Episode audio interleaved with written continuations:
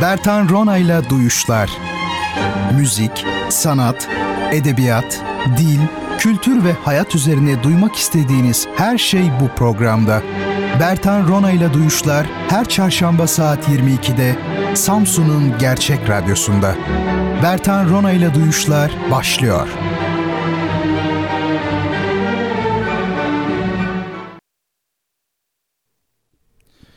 Sevgili dinleyicilerim, hepinize iyi geceler diliyorum. Duyuşlar programındasınız. Bertan Rona'yı dinlemektesiniz. Az önce de duyduğunuz gibi gerekli gereksiz sürekli sizi sıkıştırıyoruz ya Bertan Rona ile Duyuşlar diye. İşte o büyük an geldi. Ee, yine her çarşamba gecesi olduğu gibi güzel sanatlar e, ağırlıklı öyle söyleyeyim. E, felsefe, yer yer edebiyat dolu, dil, tarih, e, kültür dolu bir e, program yapmaya çalışacağız. Aslında program yapmaya çalışmayacağız. Normal sohbet edeceğiz yani. Ettiğimiz zaman kendiliğinden program olacak. Olay budur. E, yine her zaman olduğu gibi e, hediyeler vereceğiz sizlere. Bizim hediyemiz ne olur? İşte çam sakızı çobanın armağanı demişler ya çoban onu veriyor. Biz de kitap veririz yani. E, hediyelerimiz paylaşmaya çalıştım Instagram'dan sizinle. E, onu da bakın yine unuttum görüyor musunuz? Yeri gelmişken hemen söyleyeyim. E, Bertan Rona benim Twitter e, hesabım. E, soracağım sorulara doğru e, cevap vermek için orayı kullanıyorsunuz efendim. E, üç tane kitap hediyesi var bu gece. Üç adet soru soracağım haliyle.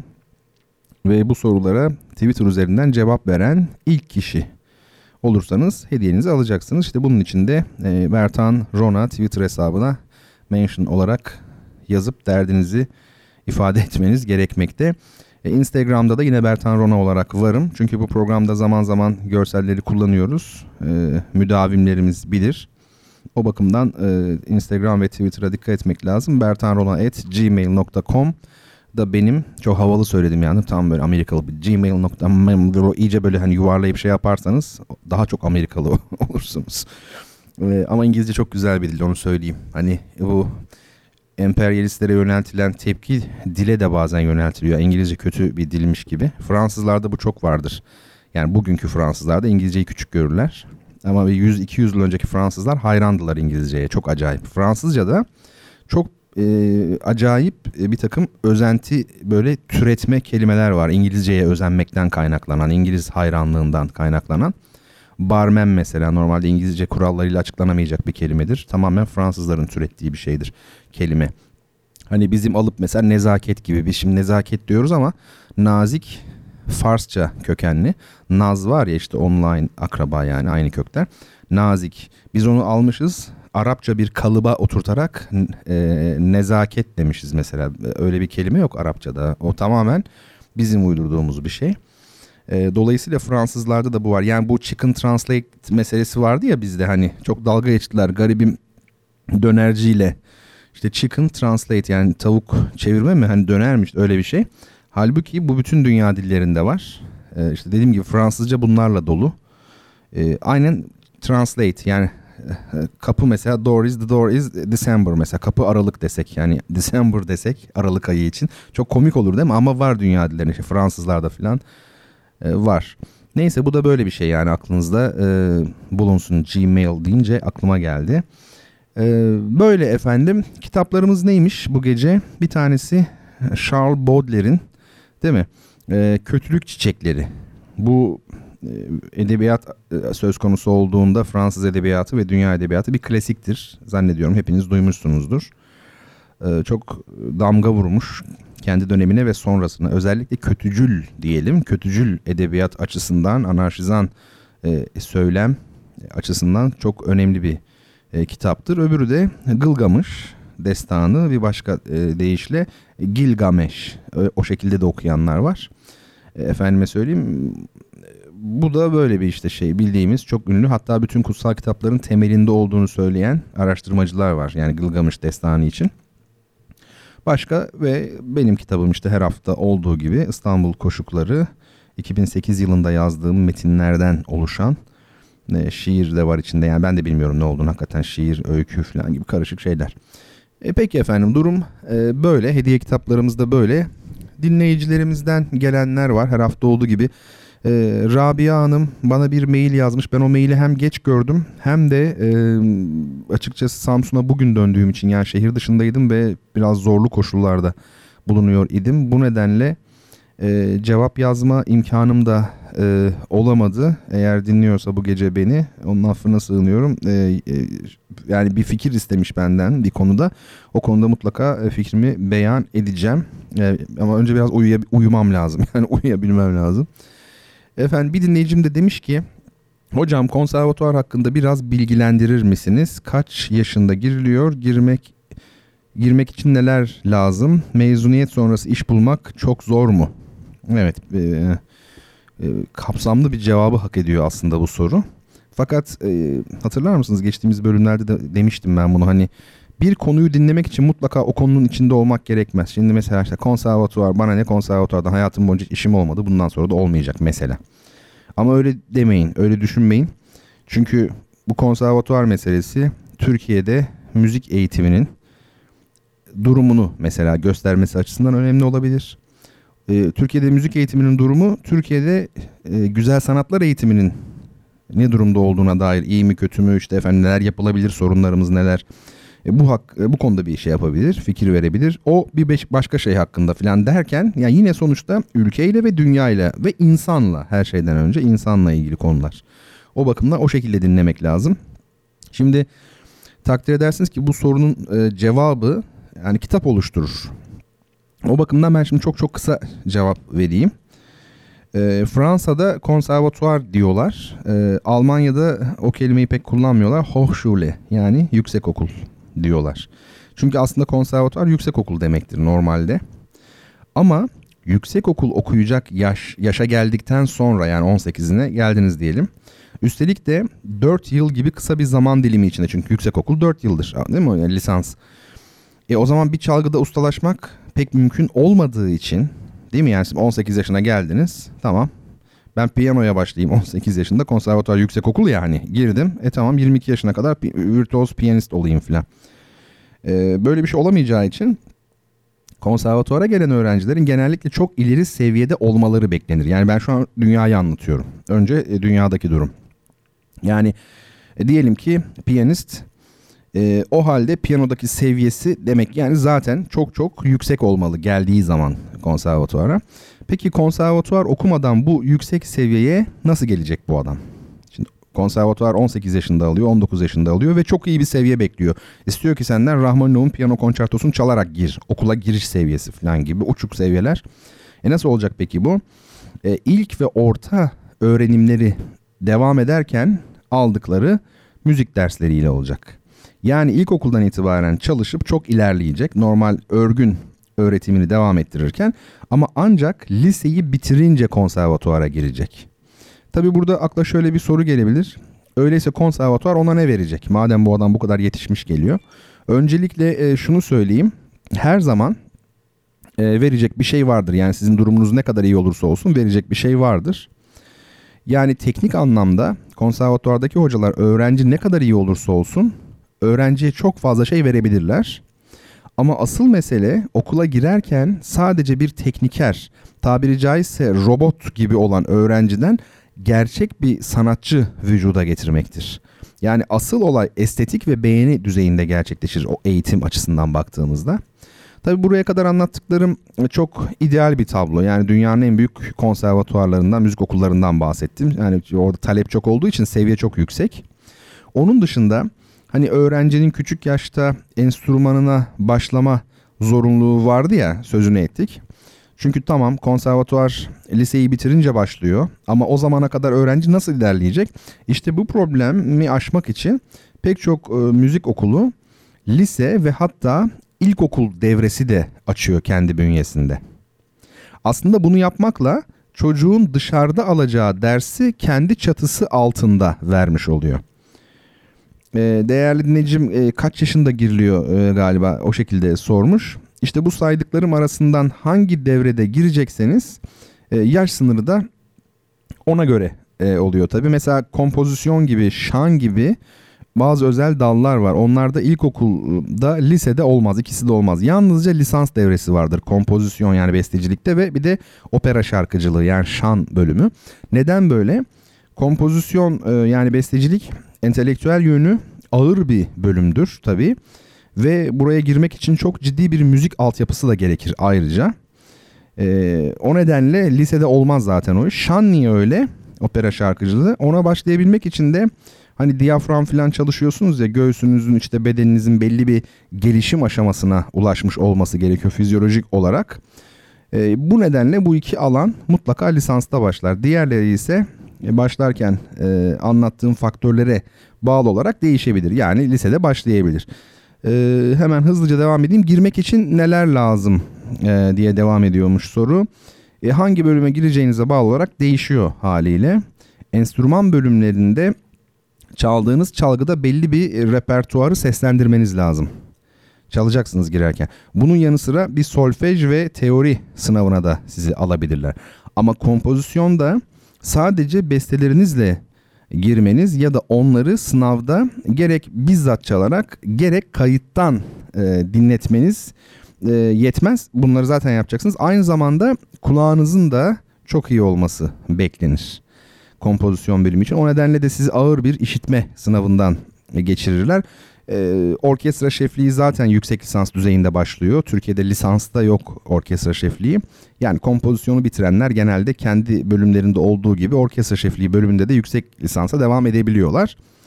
Ve e, sorumuzun şey, e, son şeyi bölümü mezuniyet sonrası iş imkanları meselesi. Şöyle söyleyeyim. Açıkçası bu noktada böyle toz pembe bir tablo çizemeyeceğim ben. Ancak kapkara bir tablo da söz konusu değil.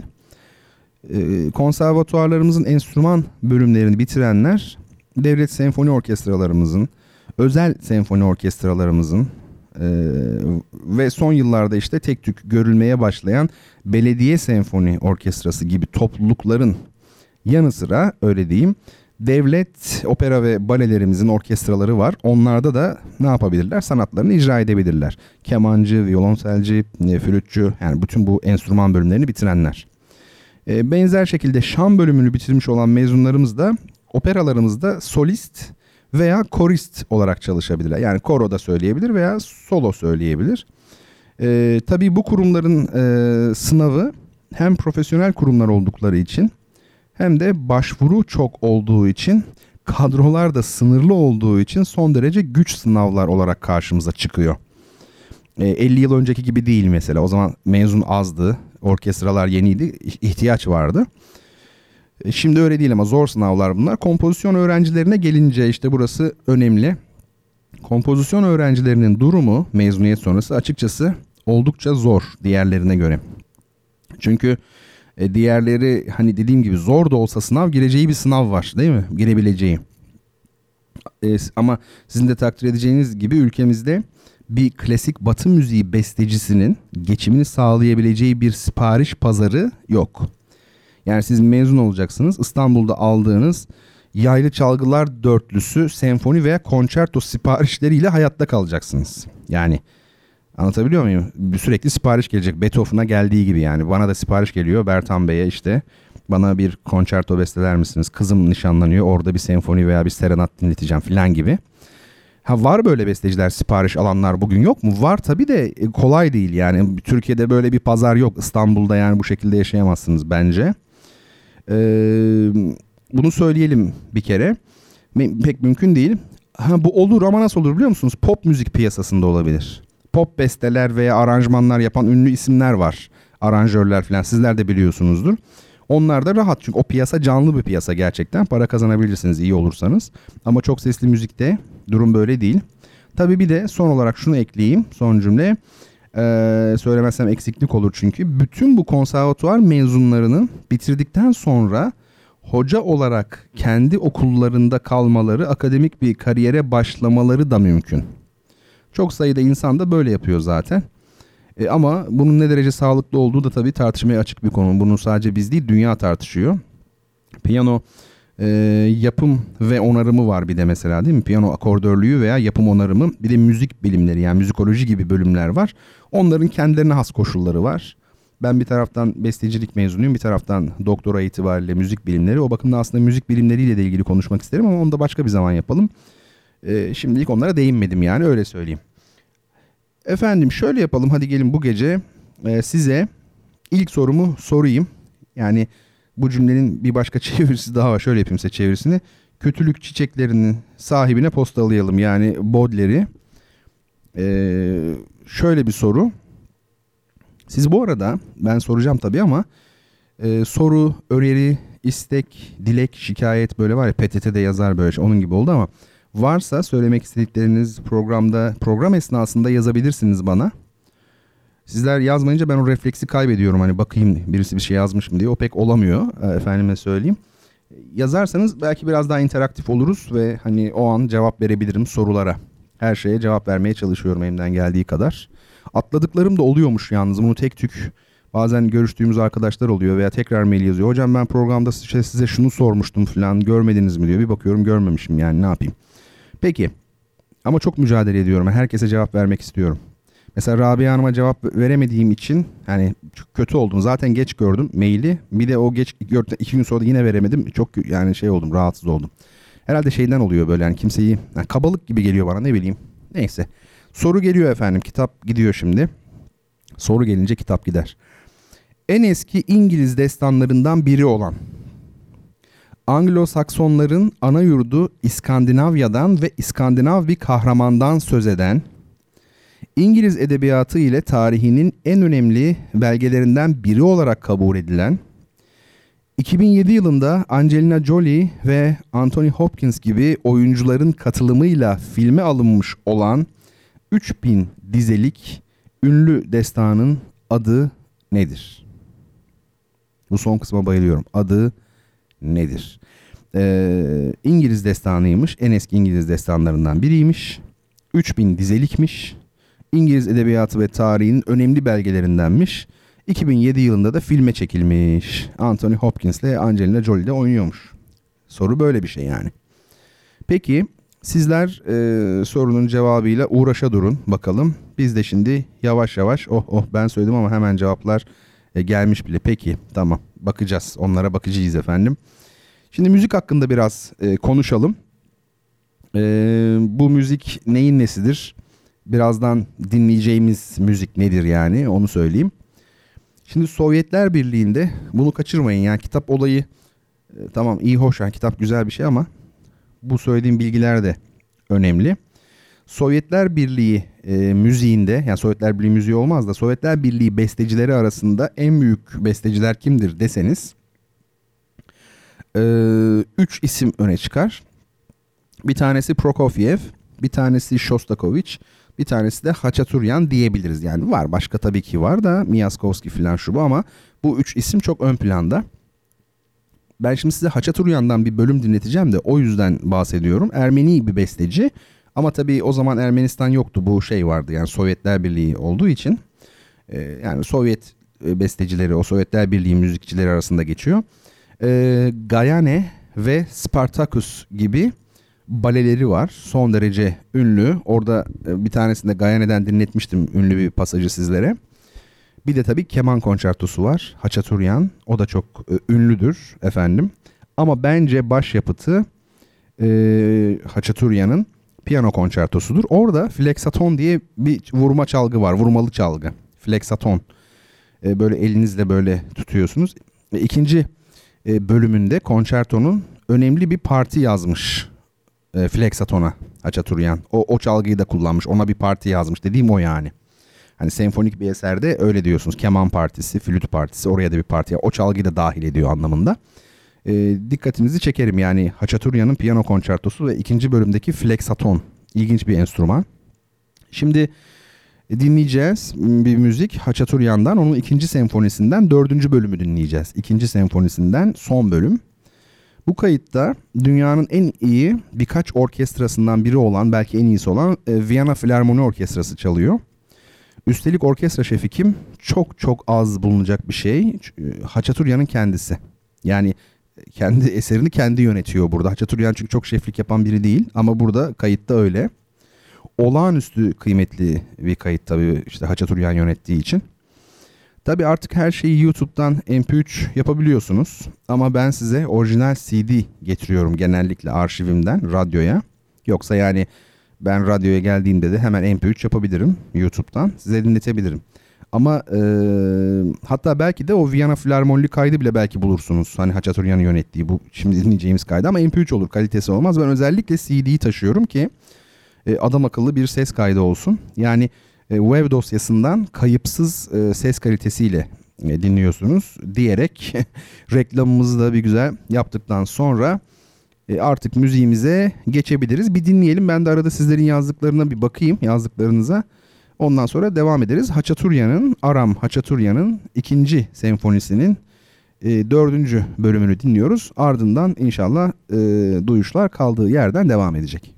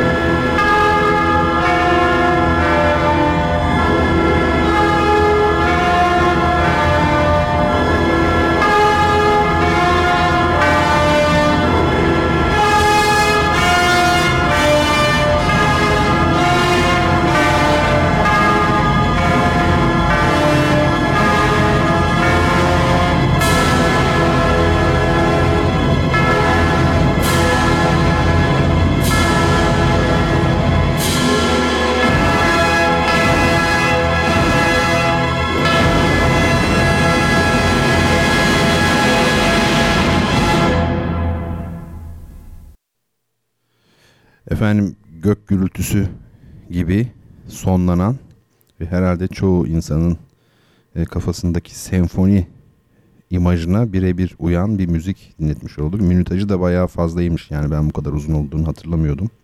Dördüncü bölümün. Aa, işte bu yani Haçaturya'nın ikinci senfonisinin dördüncü bölümü onu dinlemiş olduk ve Viyana Filarmoni Orkestrası seslendirdi. Orkestra şefi ise e, Aram Haçaturyan yani bestecinin kendisiydi. Şimdi e, az önce sormuş olduğum kitap hediyeli sorunun cevabını e, vereyim. Beowulf tabii ki cevap. Ünlü İngiliz destanı. Destan İngiliz destanıdır ama İskandinavlardan bahseder onu söyleyeyim. Ve e, kazanan kim? Pek çok dinleyicim sağ olsun yazmışlar. E, ama ilk yazan kişi olmak gerekiyor bildiğiniz üzere. E, Hüseyin Demir yazmış ilk olarak sevgili Hüseyin Demir. E, o duyuşlardan kütüphane kurma yolunda e, yarışan birkaç arkadaş var. Onlardan biri yani en çok doğru cevap verenler. Valla her gece yani her bölümde daha doğrusu aynı kişi cevap verse beni hiç ilgilendirmez. Biz adalet toplumuyuz. Doğu toplumları biliyorsunuz. Adalet toplumudur. Yani bir kişi daha fazla kazansa kitap ya paylaşalım falan deriz. Aslında çok güzel bir şey bu tabii bir taraftan. Ama bir taraftan da e, batı toplumları tam tersi. Kim hak ediyorsa o alsın diyor yani. isterse 100 tane kitabı da aynı kişi alsın vesaire vesaire. Karar sizin. Tarihsel ve pratik bireysel bir karar bu. Şimdi e, Hüseyin Bey'e şey yapacağız, e, kitabını göndereceğiz. Efendim bir de e, Instagram'dan yazan sevgili dinleyicilerim var onlara duyurayım. E, Instagram'dan değil cevabı Twitter'dan yazmanız gerekiyor efendim onu belirtelim. Sevgili dinleyicilerim şimdi geçen hafta olmalı artık biraz böyle zaman mefhumu kayboldu bende hangisi o haftaydı falan diye karıştırıyorum. Pek, pek çok şey var ak kafamın içinde çalışmalar şunlar bunlar derken. Ee, Siirt Kısa Film Festivali'nden, Uluslararası e, Kısa Film Festivali'nden söz etmiştim.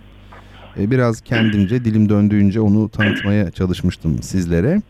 Ve bir taraftan da bir telefon bağlantısı yapacağımı yani Siirt birinci Uluslararası Kısa Film Festivali'ni düzenleyen İDE yapım şirketinin çalışanı hem hem de sahibi öyle diyeyim e, çok değerli dostlarım olduğunu söylemiştim ve telefon bağlantısı yapacağımı söylemiştim. Söz verdik gerçekleştiriyoruz var ya öyle bir şey var şimdi.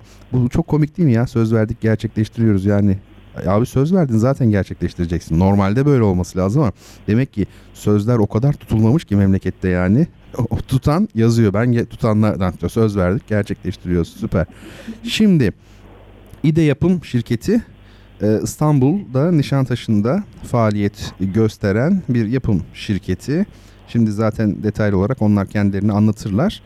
Ve çok çok sevgili arkadaşım Elçin Çelik e, Bey var. O benim çok yakın kanka diye bir şey var ya bu jenerasyonda. Yani bizde olsa mesela işte o olurdu yani Elçin olurdu. O yüzden hep Elçin diyeceğim. Yani Bey Mey demeyeceğim. Sizin için bir defa baştan öyle dedim. O benim İzmir Devlet Konservatuvarı'ndan arkadaşım. E, ve tabii ben iki defa sınıf atlayıp e, okulu çok kısa bitirince Elçin de çift dikiş gidince onun tabii e, hocası da oldum okulda. Böyle bir durum oldu. Onlardan da bahsederiz. O da şan e, bölümünden mezundur efendim. Figaro'nun düğününde Figaro yapmışlığı vardır yani. Figaro ile birazdan muhatap olacaksınız. E, Elçin'cim beni duyuyorsun değil mi? Duyuyorum Berden'cim. Ee, bir e, teşekkürü hak ettim bak bu kadar kompliman evet, yani. Evet. ben bile bu kadar güzel reklam yapamazdım. Canım çok benim. teşekkür ediyorum. Rica ederim ee, Elçin'cim. Seninle ilgili çok güzel bir anımız vardı onu paylaşmak istiyorum. Hı hı. Ee, hatırlarsan bir gün ben seni aramıştım işte. Berten'cim neredesin diye sen bana şey demiştin e, ben dersteyim sen neredesin falan diye. Ama onu şimdi dinleyicilerimin tam olarak anlayabilmesi lazım. şöyle manzara Elçin benim yani şöyle ben hoca ol, oluyorum okulda. Ee, yani yüksek lisans yaparken hocalık yapmaya başladım aynı zamanda. Ama tabii Elçin en yakın arkadaşım ama ben onun dersine giriyorum form bilgisi dersine. Elçin de ders saati olduğunu tamamen unutmuş. Yani bayağı form bilgisi dersindeyiz o an ve Elçin'in de öğrenci olarak orada olması lazım. Böyle hiç oralı değil haberi bile yok yani dersten. Telefonum çaldı ders esnasında. Yani biz de Elçin'den bahsediyorduk niye gelmiyor diye. Bir baktım ya bakın dedim kim arıyor falan öğrencileri. Telefonu tabii açtım. Ondan sonra e, Elçin şey dedi. E, ner, e, neredesin Elçin'cim dedim. Ben böyle hafif niye gelmiyorsun manasında. Neredesin dedim. Şöyle bir cevap geldi. Kantindeyim sen neredesin? Aynen böyle. E, Elçin bu kadar sorumlu biri görüyorsunuz yani. E, çift dikiş Evet, bitirdi işte böyle oldu. Herhalde ödeştik değil mi? Şey olarak. Evet ödeştik e, canım evet, benim. evet. E, Elçin'cim şimdi e, ben e, şimdi tabii dilim döndüğünce anlatmaya çalıştım ama şüphesiz sen ide yapımı sahibi ve çalışan olarak çok daha iyi anlatırsın bize. Şimdi senden ricam e, ide yapım neler yapıyor? Nasıl bir e, şirket? E, birazcık anlatsana. Ee, İDE biliyorsun 1999'da bir araştırma şirketi olarak e, oluştu. E, biz de 2012 yılında ben işte İzmir'den buraya geldikten sonra e, abim, ablam ve yani Engin'le, Engin Çelik, Melika Çelik Hı hı. ve benim kurduğum bir şirket İDE Yapım.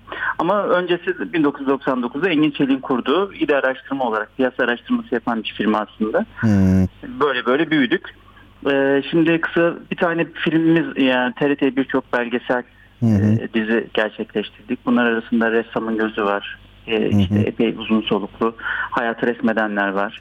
O Ee, bayağı bir sinema sürdü var. değil mi? O belgesel dizisi çok uzun zaman devam etti diye biliyorum.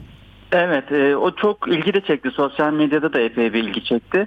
Şöyle ki e, dünya sinemasındaki işleri anlattık biz orada. Hı hı. Bu ilk bir şeydi zaten. E, dünyada da ilk bu arada bu yaptığımız şey. Hı hı. E, ondan dolayı böyle Fransa'dan bile bize tebrikler falan, o tür mesajlar falan geliyordu. E, dünya sinemasındaki ilkleri anlattık. Şöyle ki ilk şaşırmadan tutun, ilk öpücüğe, ilk hapşırma, ilk silah, ilk Hmm. korku, ilk komiklik falan ne varsa yani aklınıza ne geliyorsa hepsini e, orada anlattık kısa kısa. E, ressamın gözü biraz daha farklıydı. Olayları, kavramları e, ressamların gözünden anlattık onunla da. Hı hı. O da epey uzun sürdü. Ee, ve hayat resmedenler. Şimdi bir tane e, İstanbul Film Festivali'ne ve Ankara Film Festivali'nde e, seçilen Bekçi adlı filmin de yapımcısıyız aynı zamanda İde yapım olarak. Hı hı. Hı E, bir de üstüne şeyimiz var. E, kısa film festivalleri yapıyoruz. hı. hı. Çok güzel. E, ilkini Bingöl'de gerçekleştirdik. Evet o çok ilgimi çekmişti güzel. benim. Benim e, siz olduğunuzdan haberim yoktu. Şeyde gördüm, sosyal medyada gördüm, televizyonda gördüm. E, Bingöl e, kısa film. Aa dedim ne kadar güzel bir falan yapılması falan derken bir baktım sizsiniz. İlgimi çekmişti. Nasıl geçti o? İnanılmaz güzel, inanılmaz e, coşkulu geçti. E, zaten şairin dediği gibi işte belki bir film gelir Akdeniz olur diye. Hmm. Biz o umutla çıktık ve gerçekten orası e, o dönem Akdeniz oldu. Yani insanlar çok çok güzel konserler gerçekleşti. İşte Göksel açılış yaptık, Kolpay'la bitirdik e, hı. festivali. E, 300'den fazla film başvurdu. Onların bir kısmı gösterildi. 30 tane film gösterildi. E, atölyeler gerçekleştirildi, söyleşiler gerçekleştirildi. Hı hı. E, buna benzer birçok etkinlik yapıldı. E, öyle olunca biz o zaman dedik ki biraz da bakalım neler yapabiliriz. Siirt yapalım dedik Hı. bu defa. Hı hı. E, yine sinema genel müdürü ve Kültür Bakanlığı'nın desteğiyle, Hı hı. e, valinin ve belediyenin desteğiyle orada e, şu an Uluslararası Ses Kısa Film Festivali'ni gerçekleştireceğiz. Hı hı. Ee, şu an daha bir 15 günümüz var e, şeye e, son başvuruya Şu 150'den fazla film başvurdu. Oo. E, çok keyifli geçecek yine. İşte jüri üye- üyelerimiz Tarkan Karıdağ, Veli Çelik, Cengiz Bozkurt, e, Erdal Bakkal'dan tanırsınız. Hı hı. E, Hı hı. Şafak e, Bakkalbaşıoğlu, Elif Dağdevren, Melika Çelik, Mahber Uçar. Hı hı. E, gayet zengin bir program olacak. Zaten sen de oradasın. E, ben orada olacağım da şimdi biraz böyle kişisel e, bir sohbet gibi de olmasın bir taraftan. Beni Evet, evet. e, 6 7 beni 6 şey 7 8 9'a koyun beni çünkü 10 11'de ben e, başka bir yerde sempozyumdayım. O yüzden o tarihlerde biraz çakışır yani. Onu rica edeceğim sevgili Seni dinleyicilerimden. büyük ihtimalle 8'inde e, konuk edeceğiz. En geç öyle olsun ki ben e, Tamam. dönüp e, bu defa şeye sempozyuma Kütahya'ya gidebileyim yani. Öyle bir şey var. Ee, Ee, hı hı. Çok güzel olacak. Öyle duruyor zaten. Dediğim gibi yine atölyelerimiz olacak. Hı hı. Söyleşilerimiz olacak. Ee, film gösterimleri olacak. Hı hı. Ee, işte üç tane değerli sanatçıyı seçeceğiz. Finallerini seçeceğiz. Onların ödülleri falan verilecek. Hı hı. Ee, ve sonrasında bakalım herhalde yeni yerleri Tabii. e, film götürmeye Akdeniz Olur diyorsun. İşte Kemal Burkay'ın şiirindeki gibi. Aa, şey e, ide yapım çok enteresandır. Sevgili dinleyicilerime söylemiş olayım mesela. Şimdi Elçin, sevgili Elçin'in abisi Engin. E, şimdi mesela bir insan Cannes Film Festivali'nde mesela Altın Palmiye kazanmış bir film düşün. Ne demek bu? Cannes Film Festivali değil mi? Yani dünyanın en prestijli evet. festivali. Mesela orada Altın Palmiye kazanmış bir filmde oynamış Engin. Hadi buyur. Buna ne dersiniz? Araştırıp siz bulun artık. Biz onu söylemeyelim. Engin Çelik. Engin Çelik yani değil mi? Araştırın bulursunuz. E, o bakımdan Kaç enteresan. Tane, evet şeyde... Kaç tane kan film var mesela onu kanda ödül alan kaç film var onu düşünmek lazım. Üstüne bir de falan böyle ipuçları veriyorum. şeyde bu tabii Nişantaşı'nda e, İDE yapım şirketinin e, araştırma şirketinin veya neyse olduğu e, McDonald's sokağında Rumeli Caddesi üzerinde az e, simit ve ayranla e, kahvaltı e, tabii, yapmışlığımız tabii. yoktur değil mi? Bohem zamanlarımızda. Tabii tabii canım böyle. evet. Ama onlar da çok keyifliydi. Seninle sohbetlerimiz zaten inanılmazdı yani. Tabii. Bir de Bülent oldu mu sinemacı arkadaşlar. Biz tabii böyle telefon sohbetini de çevirmeyelim ama sevgili dinleyicilerim keşke bir sihirli değnek olsa da o dönemlere gidebilsek bizi görebilselerdi yani. Bülent, e, Elçin ve ben bir Üsküdar'da bir Şişli'de bir Nişantaşı'nda öyle diyelim. Elçin'cim peki başka söylemek istediğin bir şey var mı bana ekstra olarak?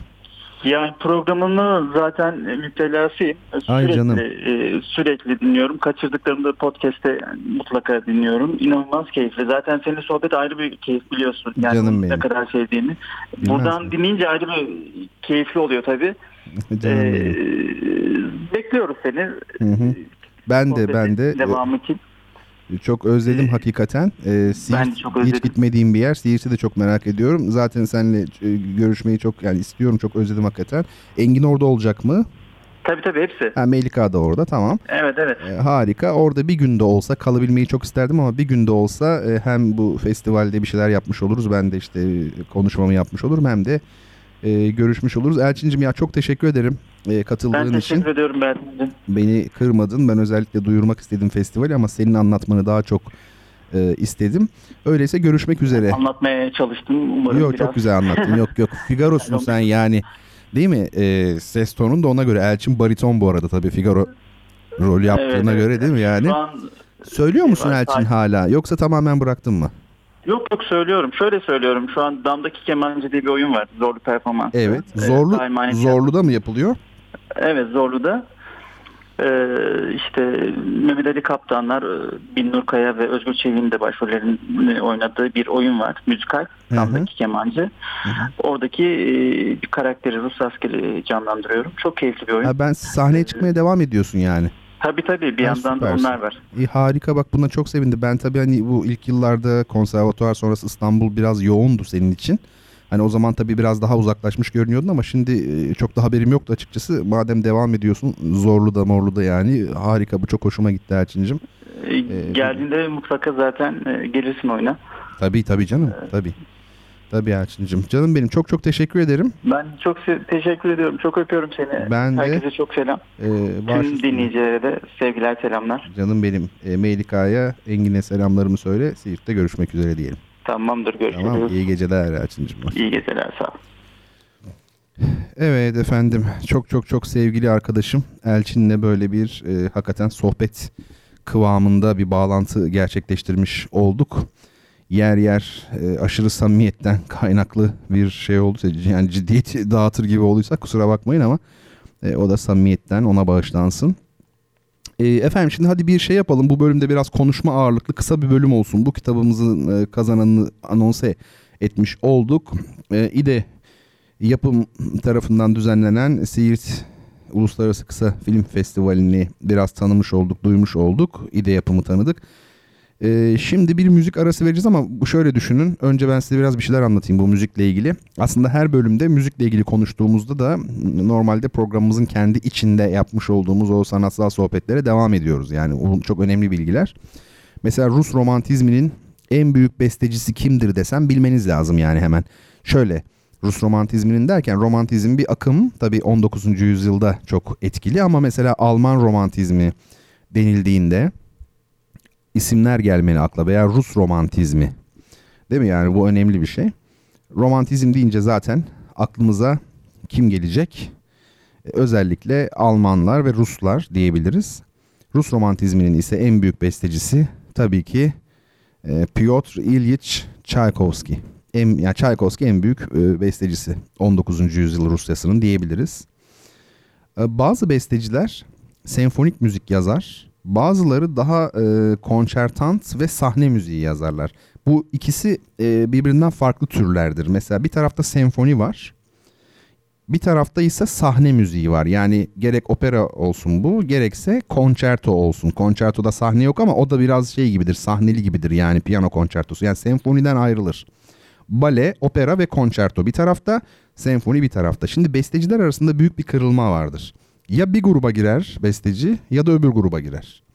Yani doğuştan özellikleri öyledir. Yani mesela Brahms çok büyük bir besteci, Alman romantizminin büyük bestecisi. Ama mesela Brahms senfonist bir bestecidir. Yani kumaşı o şekildedir. Konçertant böyle renkli e, opera falan zaten operası yok. Balesi yok. Anlatabiliyor muyum?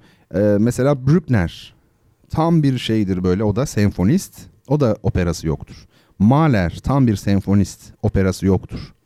Mesela bazıları ikisini birden yazmış ama yani Shostakovich mesela Lady Macbeth, Miss Dankly Lady Macbeth diye bir operası var ama yani repertuarda çok yeri yok yani ama senfoni deyince Shostakovich tabii. Tam tersi de mümkün. Verdi opera bestecisi hiç senfoniye eğilim duymamış. Puccini opera bestecisi hiç senfoniye. Wagner opera hiç senfoniye eğilim duymamış.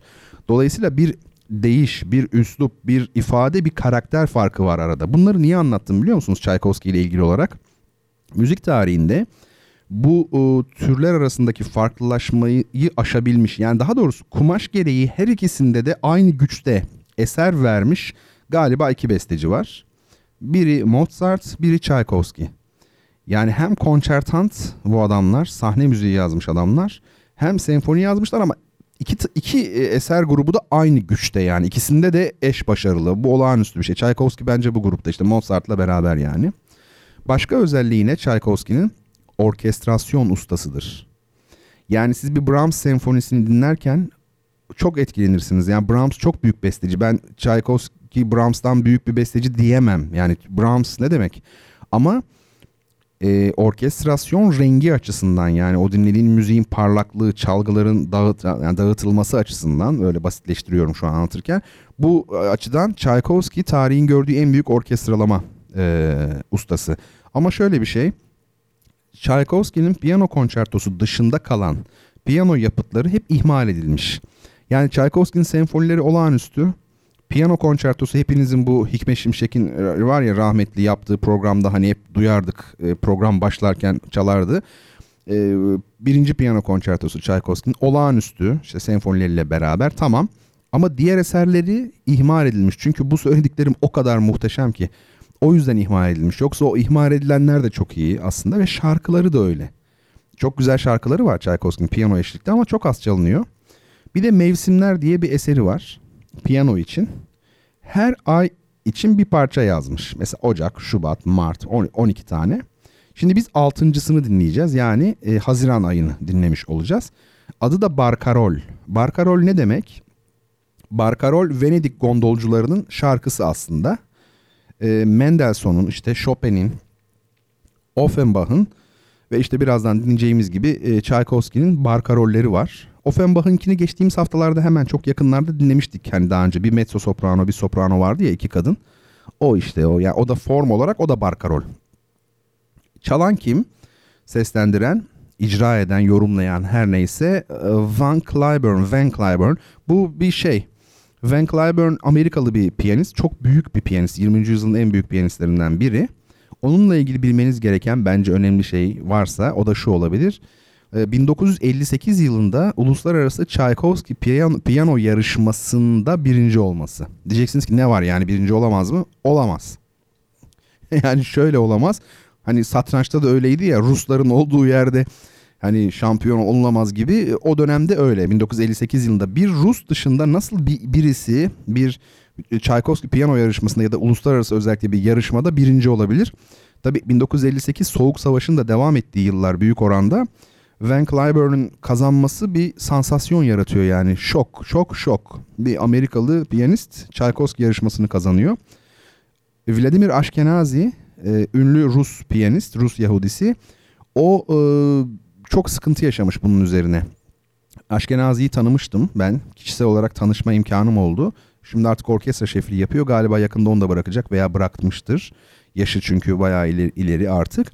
E, Vladimir Ashkenazi e, büyük baskı görüyor Sovyet vatandaşı olarak. Nasıl olur Amerikalı geçer? Çünkü o şeyde o da var. E, yarışmada kazanamıyor yani Van Cliburn kazanıyor. E, ve öyle bir çalışmış ki Ashkenazi korkudan olduğunu söylerler. Yani e, Sovyet yönetiminden korktuğu için ve 1962'de aynı yarışmada e, Tchaikovsky yarışmasında bu defa birinci oluyor Ashkenazi. Ama e, bir başka piyanistle paylaşıyor birinciliği. O ayrı ama Van Cliburn 58 Tchaikovsky yarışması birincilik ve Amerikalı olarak bu enteresan.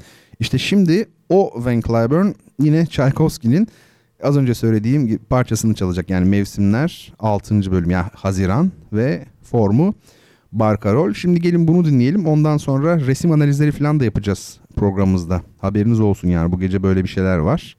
Ee, Instagram'ı kullanalım. Bir kere daha anonse edeyim. Lütfen Instagram'dan değil Twitter'dan yazın sevgili dinleyicilerim cevapları. Onun dışındaki her şey için de bertanrona.gmail.com e, e-posta adresine yazabilirsiniz. Dinleyelim şimdi Van Cliburn'dan bir Tchaikovsky. Müzik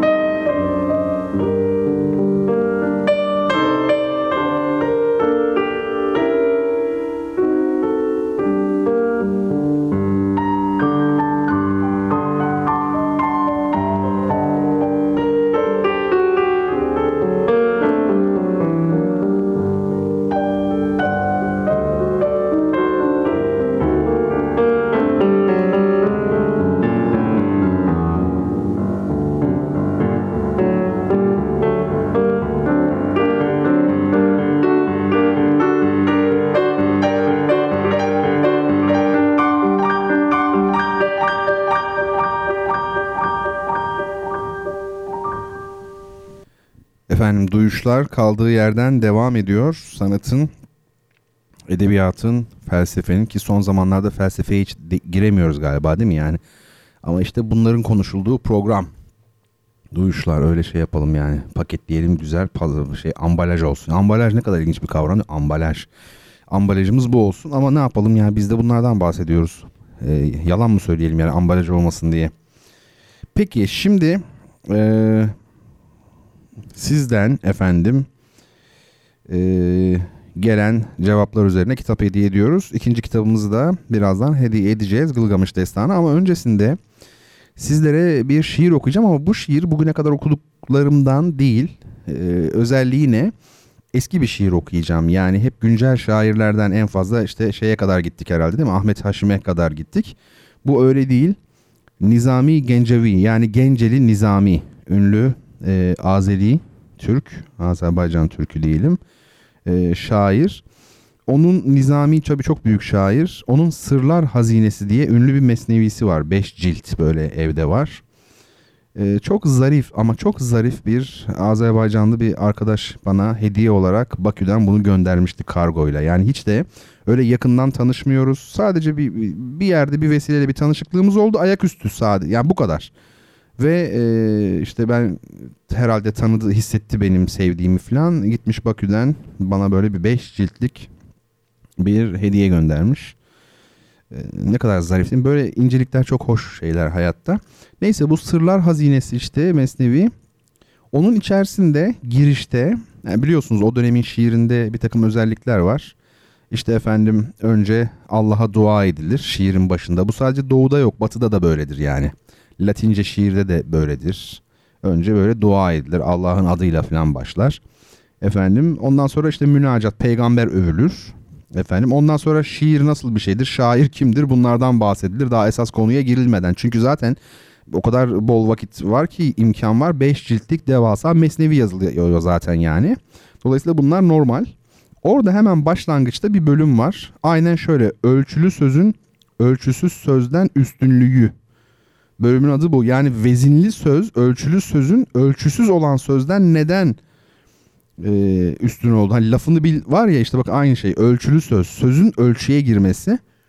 Bir defasında Hellen zekası yani antik Yunan e, uygarlığı kainatı bir uyum, bir harmonya olarak görmüştür demiştim. İşte Bakın ölçü nedir? Yine bir armoni, bir uyum meselesidir. En azından bununla e, ilgili bir kavram diyebiliriz. O dönemde dünyanın özelliği bu sadece Greklere gitmeye gerek yok. Bakın İran havzasında yani en azından o e, coğrafyada bir kültür. Nizami Gencevi'nin içinde bulunduğu mensup olduğu kültür onda da var. Yani ölçülü sözün ölçüsüz sözden üstünlüğü diyor. Bir de ne geldi aklıma biliyor musunuz? O dönemin kitaplarının isimlerine baktığım zaman her zaman çok etkilenmişimdir. O kadar böyle şiirsel isimler, e, buluş dolu e, isimler var ki şimdiki kitaplar çok soğuk geliyor isim olarak baktığında. isimlerinden bahsediyorum. Mesela Sırlar Hazinesi kitabın adına bakar mısınız? Ya da işte e, Seyit Kutup mesela işte rahmetli onun Kur'an'ın gölgesinde ben Türkçesini söylüyorum tabi. Yani tefsir yazıyor. Kur'an tefsiri Kur'an'ın gölgesinde. İsmi bu. Ya da mesela o dönemin kitapları ne geliyor aklınıza? İşte at- atacağım yani Hüsrev'in bahçesi. Gönüllerin şifası. Hani var ya böyle işte ne kadar hoş. Bugün pek o şeyler kalmamış. Çok mesafeli. Sebepleri var ama çok çok uzun. Şimdi onları boş verelim. Şimdi benim size okuyacağım bölüm dediğim gibi ölçülü sözün ölçüsüz söz, sözden üstünlüğünü anlattığı kısım. Onu söyleyeyim. Ya eskiden biliyor musunuz? E, şimdi düzen ve uyum dedim ya onu da söyleyeyim de öyle geçeyim şiire. Dolaylı olan ile dolaysız olan arasında bir fark var. Medeniyet dolaylılıktır. Ne kadar dolaylı davranılırsa o kadar medeni olunur aslında. Öyledir bu iş. Ee, öyle değil mi mesela hani Freud'un sözü var ya artık sosyal medyada çok geziyor işte kavga etmek yerine küfür etmeyi seçen ilk insan medeniyetin kurucusudur gibi. Mesela hayır diye bir kelime var bizde hayır. Biliyor musunuz o hayırla ben bunu merak etmiştim. Bir de hani hayır ve şer. Hani oradaki hayır var. Acaba no anlamındaki hayırla öbür hayır arasında ne tür bir ilgi var? Niye aynı kelime? Aslında tamamen aynı kelimeymiş. Sonradan bunu tabii öğrendim. Yani ne demek bu? Eskiden insanlar birine no anlamında yani hayır diyeceği zaman onu diyemezmiş. Zarafetten böyle hayır olsun. İnşallah Allah'ın izniyle hayır olsun amin mesela. Gelecek misin diyor mesela bu şeye atıyorum dışarıya bu boğazda sandal safhasına çıkacak mıyız falan. E, gitmek istemiyor mesela hayır hayır olsun diyor yani falan. Allah Allah bakar mısınız dolaylı. Abdülhak Hamit Tarhan'ın evde şiir gibi konuştuğu söylenir. Yani her şeyi şiir. İşte eski e, toplumlarda da sözün bir şeyi var. Başlangıçta söz vardı diyor. Yani nomos aynı zamanda söz yani namus olmuş oluyor. Ee, önemli şeyler bunlar. Neyse. Ee, ama bu şeye doğru kapandı tabii. Gittikçe daha dolaysız olana doğru gitmek durumunda oldu. Son 30-40 yılda işte diyorum ya Türk pop müziğindeki şarkı sözlerine bir bakın. Kimin ne kadar dolaylı, kimin ne kadar dolaysız konuştuğu e, anlaşılabilir. E, şimdi ben dediğim gibi ölçülü sözün ölçü ölçülü sözün ölçüsüz sözden üstünlüğü tekerleme gibi tabii böyle olunca. Ama fragmanlar okuyacağım tamamını değil. Burada da şunu e, ilginç e, olarak önünüze koyacağım belki. Biraz Azeri Türkçesi duymuş olacağız. Yani ben Azeri Türkçesini bildiğimi iddia edemem ama en azından e, burada tabii bir şey var. Kiril alfabesiyle değil. Yani bugün kullanılan e, alfabeyle Azerilerin kullandığı o şekilde yazılmış. Ben de e, dilim döndüğünce e, biraz o şekilde okumaya çalışacağım. Hatalarım olacaktır yani o kesin onu söyleyeyim. E, ben dili çok önemsiyorum yani ben Azeri Türkçesi ile Türkiye Türkçesinin %85 birbirini 90 hatta anladıklarını hepimiz biliyoruz yani anlaşabiliyoruz rahatlıkla. E bu çok büyük bir imkan değil mi yani? Niye kullanmıyoruz biz bunu? Veya Asya'nın iç kısımlarında işte hangi ülkeler var? Kazakistan, Kırgızistan onların da büyük bir kısmıyla anlaşabiliriz. Tabi bu e, Rusya'nın pek işine gelen bir şey olmamış tarih boyunca. Yani Azerice demişler, Kazakça demişler ki e, iyice ayrılsın bunlar. Yani onlar e, birbirini anlayan bir Türk dünyası tabi istemiyorlar. Ben de böyle hani şey gibi bir aşırı milliyetçi açıdan o nazardan bakarak bunları söylemiyorum. Ama tiyatro açısından, e, müzik açısından, dil yani edebiyat açısından son derece önemli ve bu imkan mutlaka değerlendirilmeli. E, bakalım neler e, söylemiş efendim Genceli Nizami mutlaka anlayacaksınız. Kendinizi bir kontrol edin bakalım ne kadarını anlıyoruz. Ya ben bu arada neleri attım anlaşılmayacak zor kısımları attım. Genellikle en rahat anlaşılacak kısımlara e, yer verdim. Ne ayıp değil mi şairin şiirini buduyorum yani ama tiyatroda var böyle bir şey mesela budama deniyor ona. Rejisör metni buduyor. Peki. Ölçülüp biçilirse ince fikir ince söz ne kadar güzelleşer olar üreyince söz.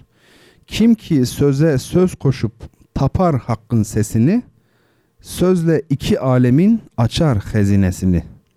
Sözün terazisini kuran ulu hükümdar, sözün aşıklerini sözle etti bahtiyar. Düşünce ateş ile perişan olan zaman, meleklerle gezerler, menzilleri asiman.''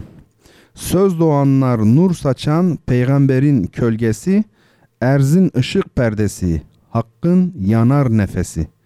Metanet meydanında kimler tuttu gör safi, evvelce peygamberler, sonra şairler safi.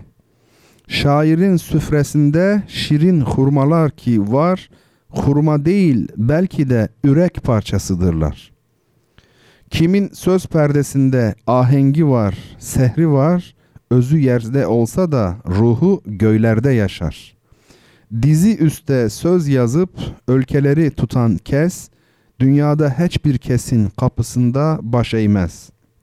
Şairin ilham adlı cesur bir atası var, dünyaya oğul kimi er mısralar bağışlar.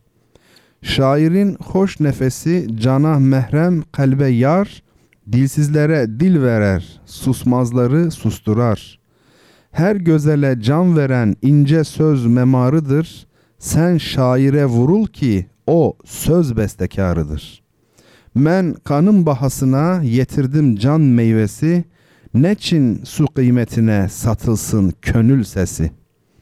Kızıl üçün, zer üçün sinov geden herifler, senetin sikkesini görün neye veripler.'' Kızıl sözü kızıla değişenler alçalır. Zulmete ışık salan lali verir daş alır. Sanatını bilenler en uca dağdan uca bu ışıklı zirveni kimler alçattı bunca?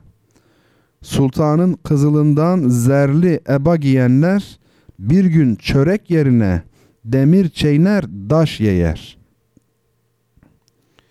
Şeriat elmindedir şairin şair gücü, sözdeki kemerinden nur alsın cövze bürcü.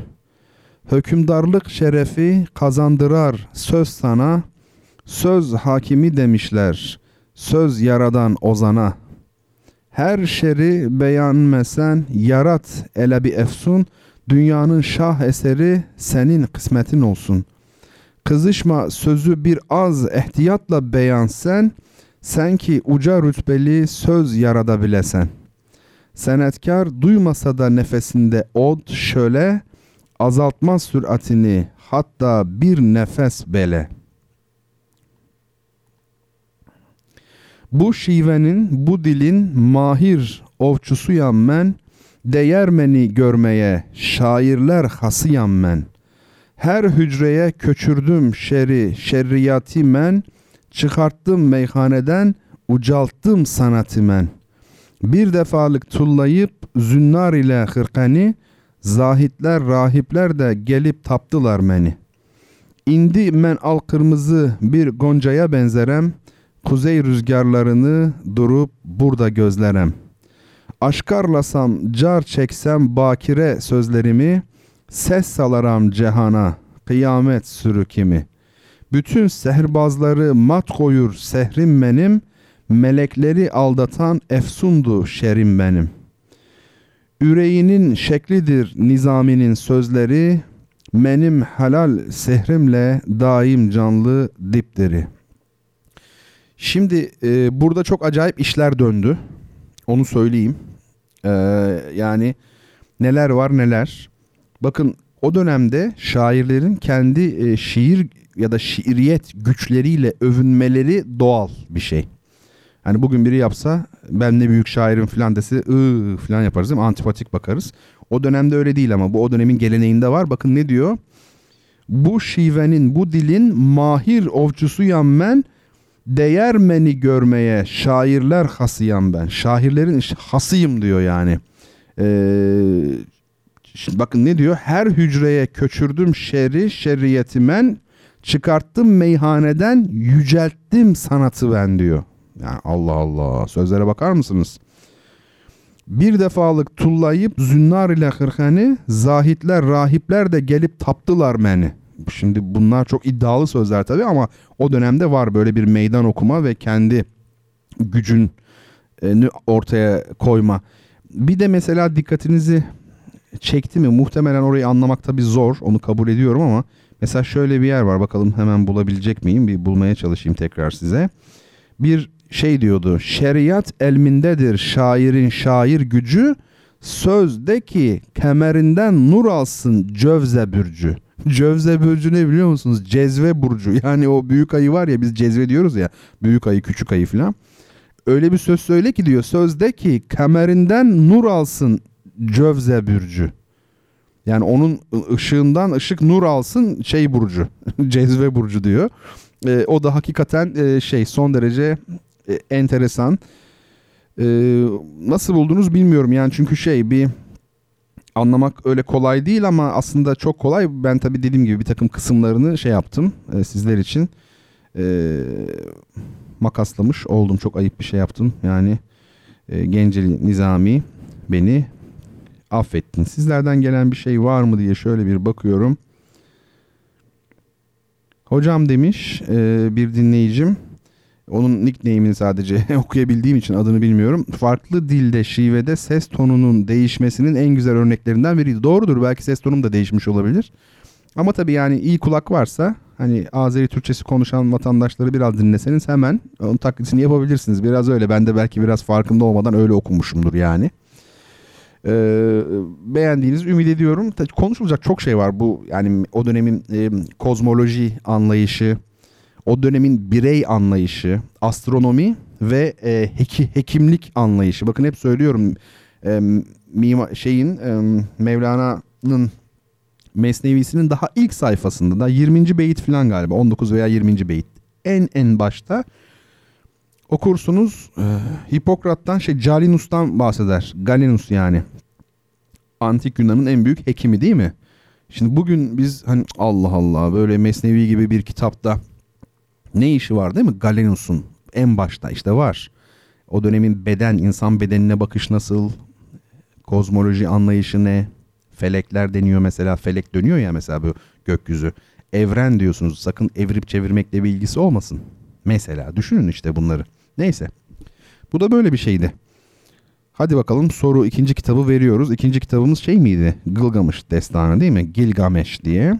O da yine güzel bir baskıyla, güzel bir çeviriyle öyle söyleyelim. Ee, sizlerle buluşacak inşallah. Lütfen dediğim gibi Instagram'a yazmayın sevgili dinleyicilerim.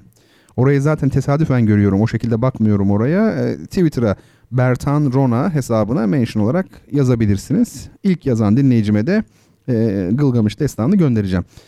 Ee, soru şöyle, uzun bir soruymuş.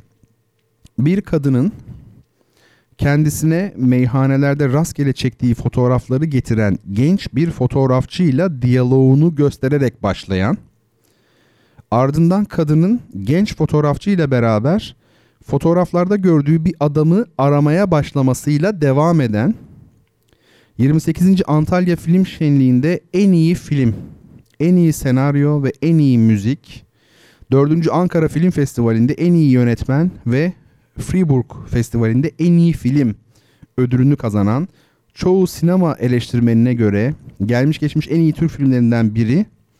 Bertan Rona Fakir'e göre ise en iyi Türk filmi olan bence en iyisi olan Ömer Kavur filmi hangisidir? Bana göre Türk e, sinemasının başyapıtıdır o.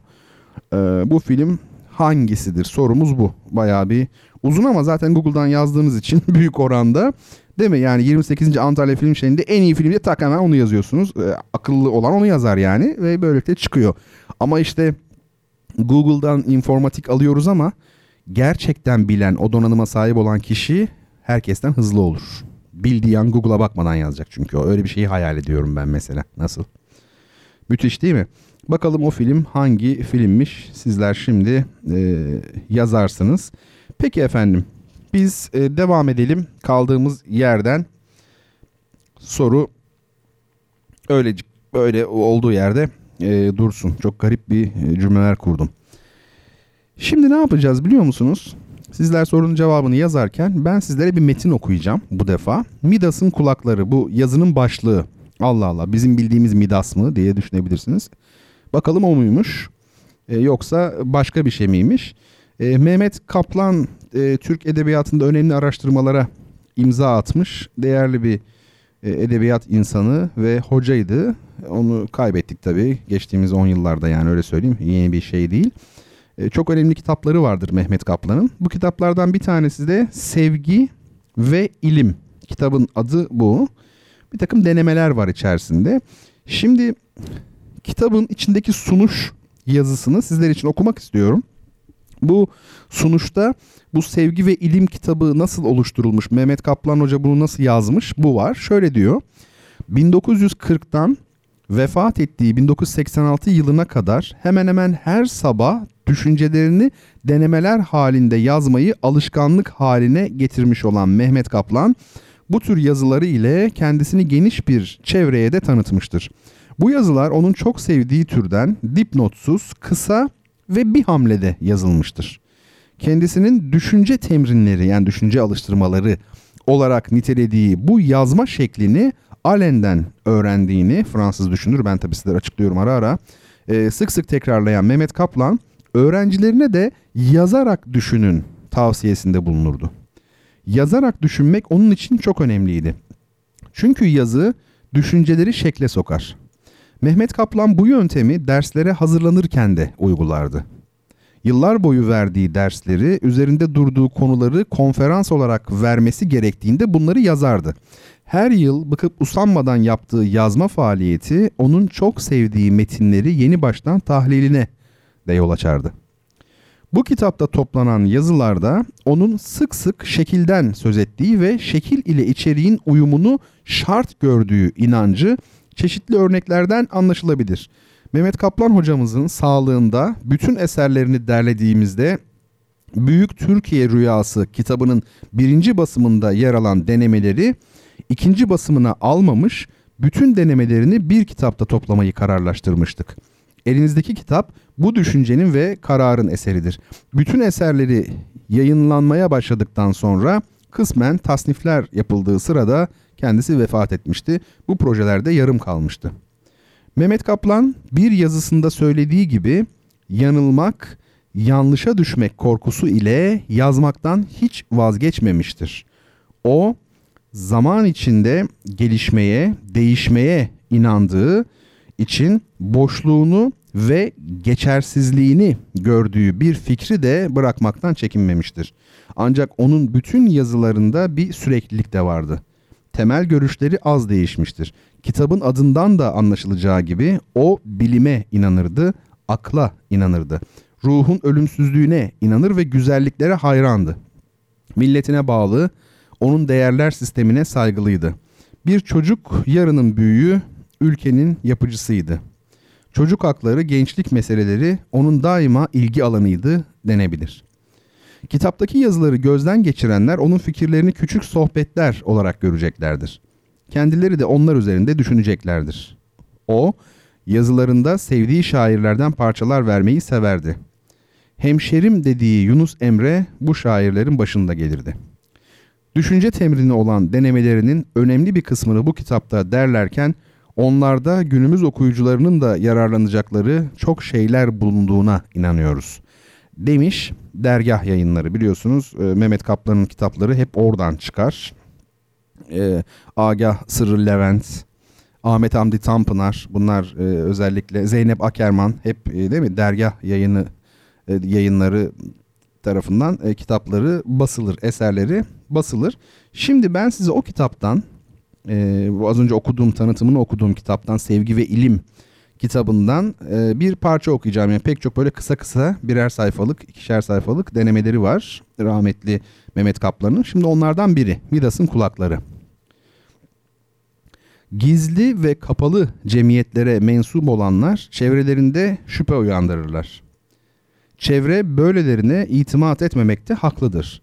Zira gizli ve kapalı olan herkesin bildiği veya inandığı şeylerden farklı bir inanç ve hareketi saklar. Emniyet verici hakikatlerin hepsi açıktır. Çevrelerinde emniyet duygusu uyandırmak isteyenler gizli ve kapalı işler yapmaktan sakınmalıdırlar. Nesimi ne güzel söyler. Sırrı ezel oldu aşikara, aşık nice eylesin müdara. Umumiyetle cemiyete zararlı, kötü veya ayıp şeyler kumarbazlık, fuhuş, suikast, şahsi çıkar veya pislik gizlenir ve örtülür.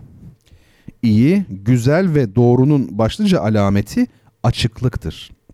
Herkes tarafından kontrol edilebilen fikirler doğrudur. Kontrol edilemeyen her şeyden şüphe etmek lazımdır. Bir fizik, matematik veya kimya alimi bulduğu gerçeği gizlemez. Bilakis herkesin tecrübesine sunar. Dünyanın her yerinde en şüpheci kafaların kontrol edebileceği hakikatler universal hakikatlerdir. Sanatkarlar da güvendikleri eserlerini halktan gizlemezler. Mutasavvıflara göre Tanrı herkes tarafından bilinmek ve sevilmek için varlığını binbir şekilde ortaya koymuştur.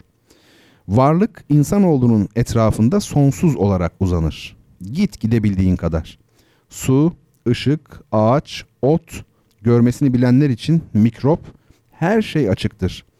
Descartes'a göre açık ve seçik olarak idrak edilen her şey doğru ve gerçektir. İnsan zekası kendisi için gizli ve kapalı olan şeyleri açmaya çalışır. Açmak, fethetmek demektir. Gerçi gizli olan şeylerin hayali tahrik eden bir çekiciliği vardır. Fakat bilinince gizlilikten doğan o esrar havası kaybolur. Dikkat edilirse gerçek bilim adamları gizli şeylerden ziyade açık şeyleri incelerler. Dünya, güneş, su, maden, nebatlar. İlimlerin konusunu herkesin bildiği şeyler teşkil eder. Gizli ilimler orta çağa mahsus vasıflar taşırlar. Ortaokuldayken ruhlara merak sardım. Bu merakla ruhiyat yani psikoloji kitaplarını hatmettim. Gördüm ki bunlarda ispiritizmacıların karanlık odalarda masalarına çağırdıkları ruhlardan eser yoktur. O zamandan beri bir daha beni korkutan ruhlar alemiyle meşgul olmadım. Sosyal sahada da açık olan her şeyin doğru ve sağlam olduğuna kaniyim. Kasap veya bakkal bir şeyi size sırtını dönerek veriyor veya tartıyorsa hile yaptığından şüphe etmekte haklısınızdır. Her şeyi açık olarak gösteren ve tartan esnaf emniyet uyandırır. Demokrasinin diktatörlüğe üstün oluşu her şeyin meydanlarda, kürsülerde, gazetelerde açık açık tartışılmasındandır. Bir göz yanılabilir, on göz, bin göz daha az yanılır. Değerli şair Sezai Karakoç'un deyimiyle hakikat sekiz köşelidir. Herkes bulunduğu yerden hakikatin sadece bir köşesini görür. Hakikati yalnız bir açıdan gören ve onun mutlak gerçek olduğunu iddia eden diktatör aldanmaya ve yok olmaya mahkumdur. Diktatörlükler hakikate değil, yalana ve silaha dayanır. Diktatörler bütün çirkinliklerini gizlerler, yalan söylerler, kendi yalanlarını doğru göstermek için etraflarında dal kavuk hakikati söyleyenleri sürerler, öldürürler. Fakat hakikati uzun müddet gizlemek imkansızdır. Yalana kuyular bile dayanmaz ve kendilerine emanet edilen sırrı Midas'ın kulakları eşek kulakları diye haykırır ve ifşa eder. Evet yazının ismi Midas'ın kulakları hiç yazıda böyle bir şey geçmedi ve en sonunda son cümlede son kelimelerde Midas'ın kulakları demiş oldu rahmetli Mehmet Kaplan e, hoca. Şimdi tabi Midas'ın kulakları ne demek önce onu bir bilmek lazım. Şüphesiz biliyorsunuzdur ama hani radyo programındayız bilmeyenler mutlaka vardır. Değil mi Lidya kralı her neyse ben de hani yanılabilirim çok önemli değil ana hani şeyi önemli, iskeleti önemli e, öykünün. Bir e, şey oluyor. Apollon'la Pan arasında bir müzik yarışması oluyor. Apollon'un özelliği müzisyenliği biliyorsunuz. Birkaç 3-4 vasfından biri. E, Pan dediğimiz tanrı da Pan flüt dediğimiz flüte ismini vermiş olan Anadolu kökenli aslında bir tanrı. O da müzisyen. Apollon'la Pan e, müzik icra ediyorlar. Şeyde hakem Midas da hakem yani kral. E, kim daha iyi müzisyen? E, Midas Pan'ın daha iyi çaldığını düşünüyor ve ödülü yani yarışmayı Pan kazandı diyor. Apollon çok bozuluyor bunu. Apollon çok saygın bir tanrıdır. Çok yani e, şeydir böyle ürkütücüdür. Kulaklarını sende kulak yok diye eşek kulağına çeviriyor. Midas'ın kulaklarını. E tabi Midas kulaklarını kapatıyor kendisini kimse görmesin diye sarayına kapanıyor filan hani kötü bir durumda çünkü. Fakat berber var yanlış hatırlamıyorsam o bir şekilde görmek zorunda yani o, onun yanına yaklaşmak zorunda saçını kesecek filan bir şey. En son artık diyor ki sakın söyleme kimseye söylemek yok filan. E tabi kralın sırrı bu söylenir mi? Ama aradan günler haftalar aylar geçiyor neyse zaman artık berber mi vatandaş e, patlama noktasına geliyor. Öyledir sır taşımak çok zordur yani söyleyince rahat ederiz ya. O da hani diyor ya bunu nasıl söylesem filan şeye gidiyor. Şehrin dışına çıkıp orada bir kuyu buluyor. Kuyuya eğilerek Midas'ın kulakları eşek kulakları diye bağırıyor işte hikaye. Bu meşhur şey bu. Midas'ın kulakları dediğimiz mesele. E, tabii ben böyle şeyleri okurken e, tanıyanlar bilirler. Genellikle yani bu Genceli Nizami'yi okurken de işte o dönemin kozmolojisi dedim dedim tıp anlayışı falan dedim. Hep böyle dinler tarihi ve felsefe açılarından bakıyorum tabii. E, oysa Mehmet Kaplan'ın yazısında çok güncel açıdan hani açık ve seçik, distinct yani açık, seçik ve clear e, olan bu şey e, Descartes'tan bahsetti ya felsefede açık ve seçik bilgi. E, ama bir de şu açıdan bakmak lazım. Hazreti İsa şöyle diyor, İncil'de öyle yazıyor daha doğrusu. Doğru olup da bilinmeyecek, saklı olup da açığa çıkmayacak hiçbir şey yoktur. Şimdi e, bu üzerinde düşünmeye değer. Bir de çok e, güzel bir söz var duymuşsunuzdur. Gerçeklerin kötü bir huyu vardır. Bir gün mutlaka açığa çıkarlar diye. Burada da bakın e, açığa çıkma meselesi var. Şimdi Mehmet Kaplan Hoca'nın rahmetli o bahsettiği mutasavvıflar böyle derler. Tanrı kendini bildirmek için işte çeşit çeşit görünümler aldı deniyor ya işte o. e, Küntü Kenz hadisi vardır bilenler bilir. Hani ben gizli bir hazineydim. E, bilinmeyi murad ettim. Bilinmeyi istedim yani kendimi o yüzden aşikar ettim. E, ben gizli bir hazineydim.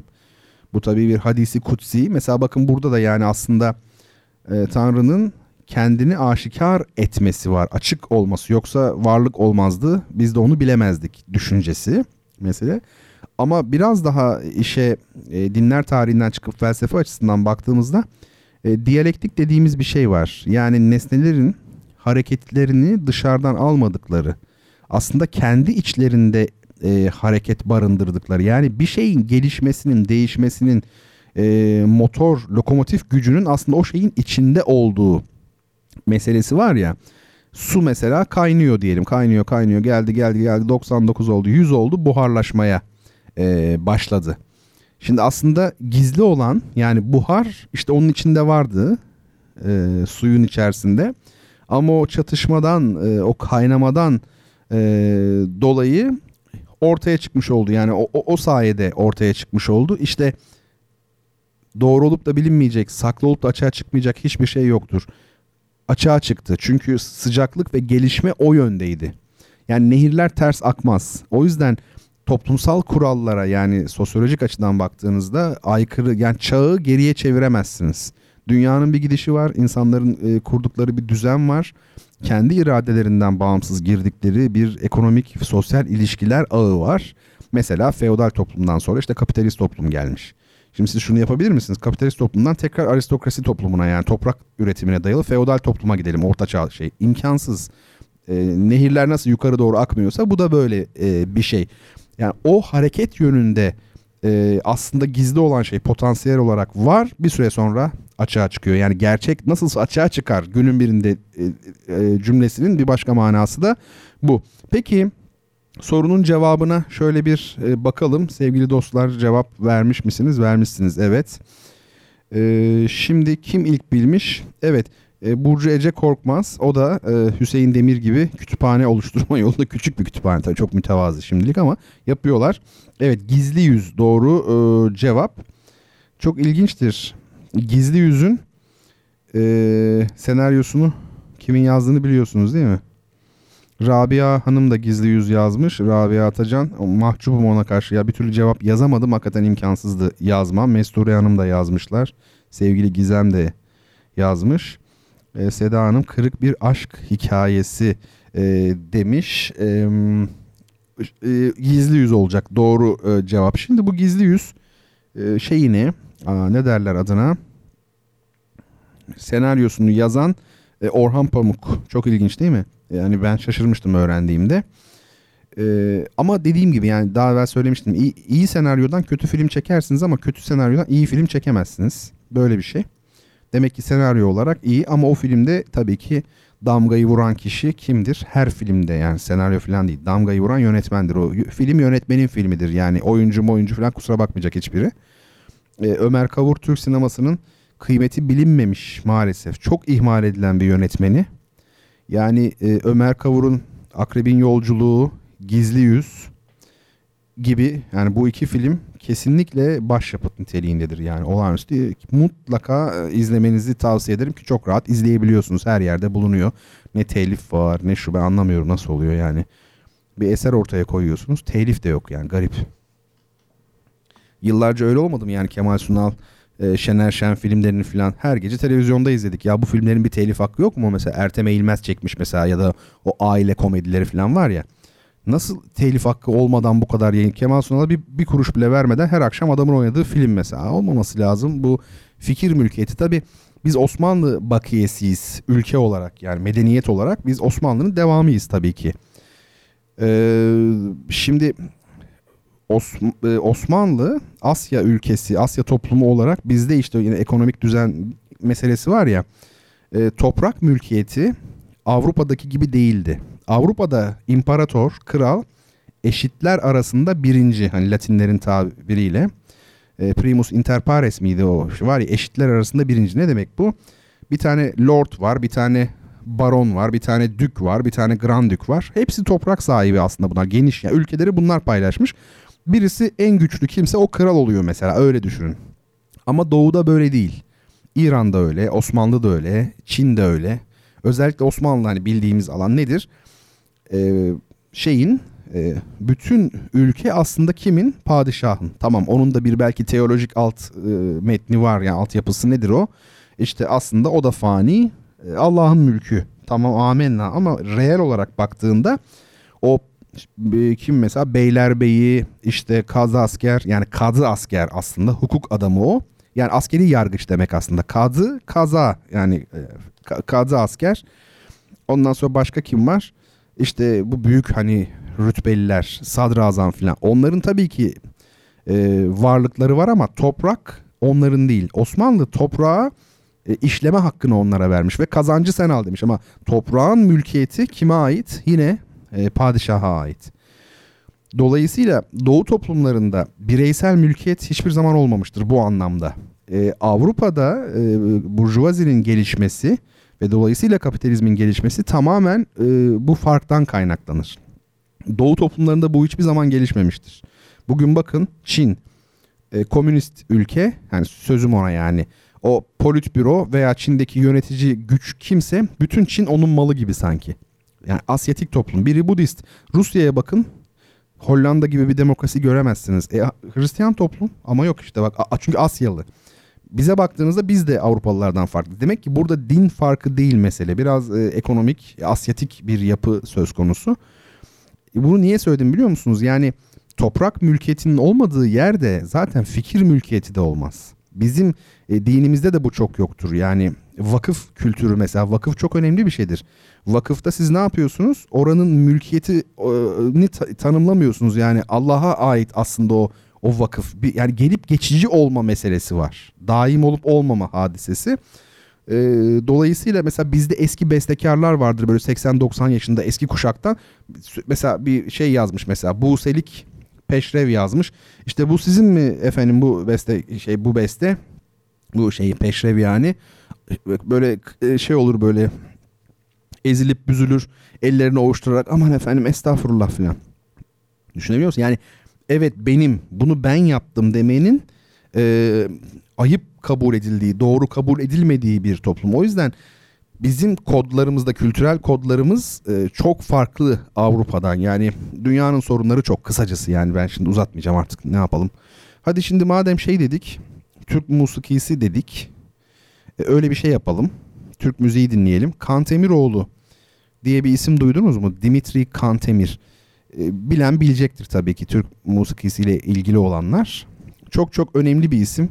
Dimitri Kantemir olmasaydı herhalde biz Türk musikisinin bugün elimizde olan eski eserlerinin yani 16. 17. yüzyıl daha eskiler bunların çok büyük bir kısmından haberim, haberimiz bile olmaz.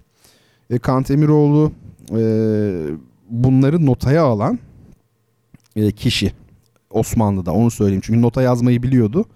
Kendi edvarı var. Edvar devir devir yani kelimesinin çoğulu daireler veya öyle diyelim. Edvar musiki teorisi kitaplarına doğuda bizde edvar deniyor. E, Kantemiroğlu edvarı işte bu eski e, Türk musikisi parçalarını e, içeren onları haiz bir şey e, eser.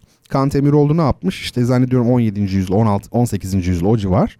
E, kendisinden önceki 100 200 yıl önce 300 yıl önceki bütün klasik Türk musikisi parçalarını notaya almış. Düşünebiliyor musunuz? İşte yazılı kültür olmanın avantajı. E, notaya almamış olsaydı bugün bilemeyecektik. E, çok değişik eski bir makam Zrefkent makamı. Oradan bir peşrev Zrefkent peşrev Kantemiroğlu Edvarından diye geçiyor.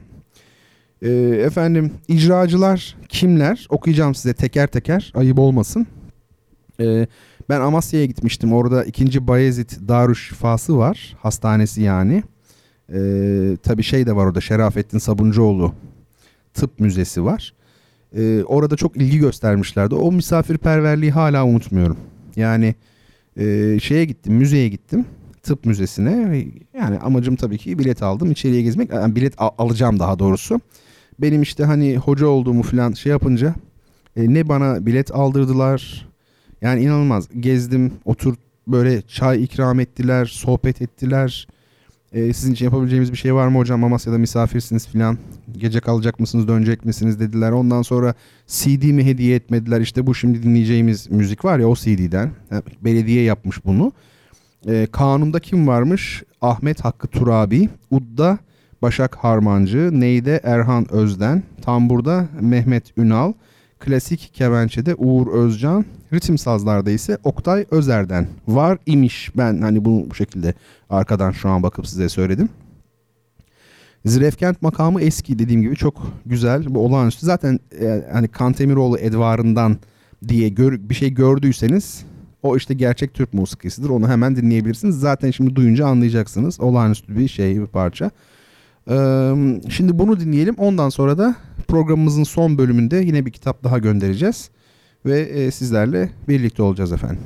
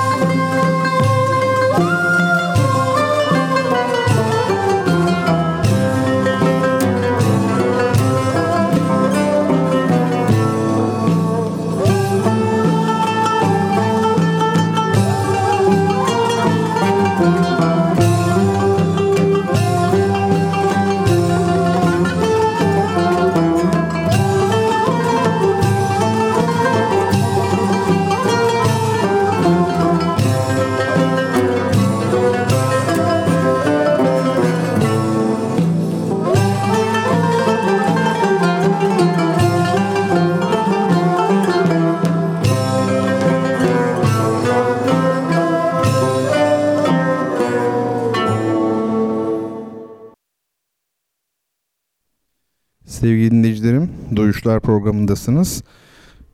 Bertan Rona'yı dinlemektesiniz efendim. Duyuşlar devam ediyor. Programımızın bu bölümünde aslında iki tane başlığımız olacak. Bir tanesi Anatoly Karpov, e, eski dünya satranç şampiyonlarından bir büyük oyuncu. Bir de Tiziano'nun çok ünlü bir tablosunu e, analize edeceğiz. Teknik bir analiz değil bu. Daha ziyade tablonun ikonolojisi neye işaret etmekte? E, bundan aslında söz edeceğiz ve bir de tabii e, sorumuz olacak. E, üçüncü kitabımızı yerine ulaştırmak için kim kazanacak bakacağız ona. Hatta soruyu önce soralım ve diğer iki konuya bilare geçelim. Bu arada az önce dinlediğimiz müzik e, umarım ilginizi çekmiştir. Gerçek Türk musikisi işte bu. Tabi icrağı yani ayrı bir konu. İcra yorumlanması ayrı bir mesele. Ben o konuda çok uzman değilim. Türk musikisiyle ilgili olarak.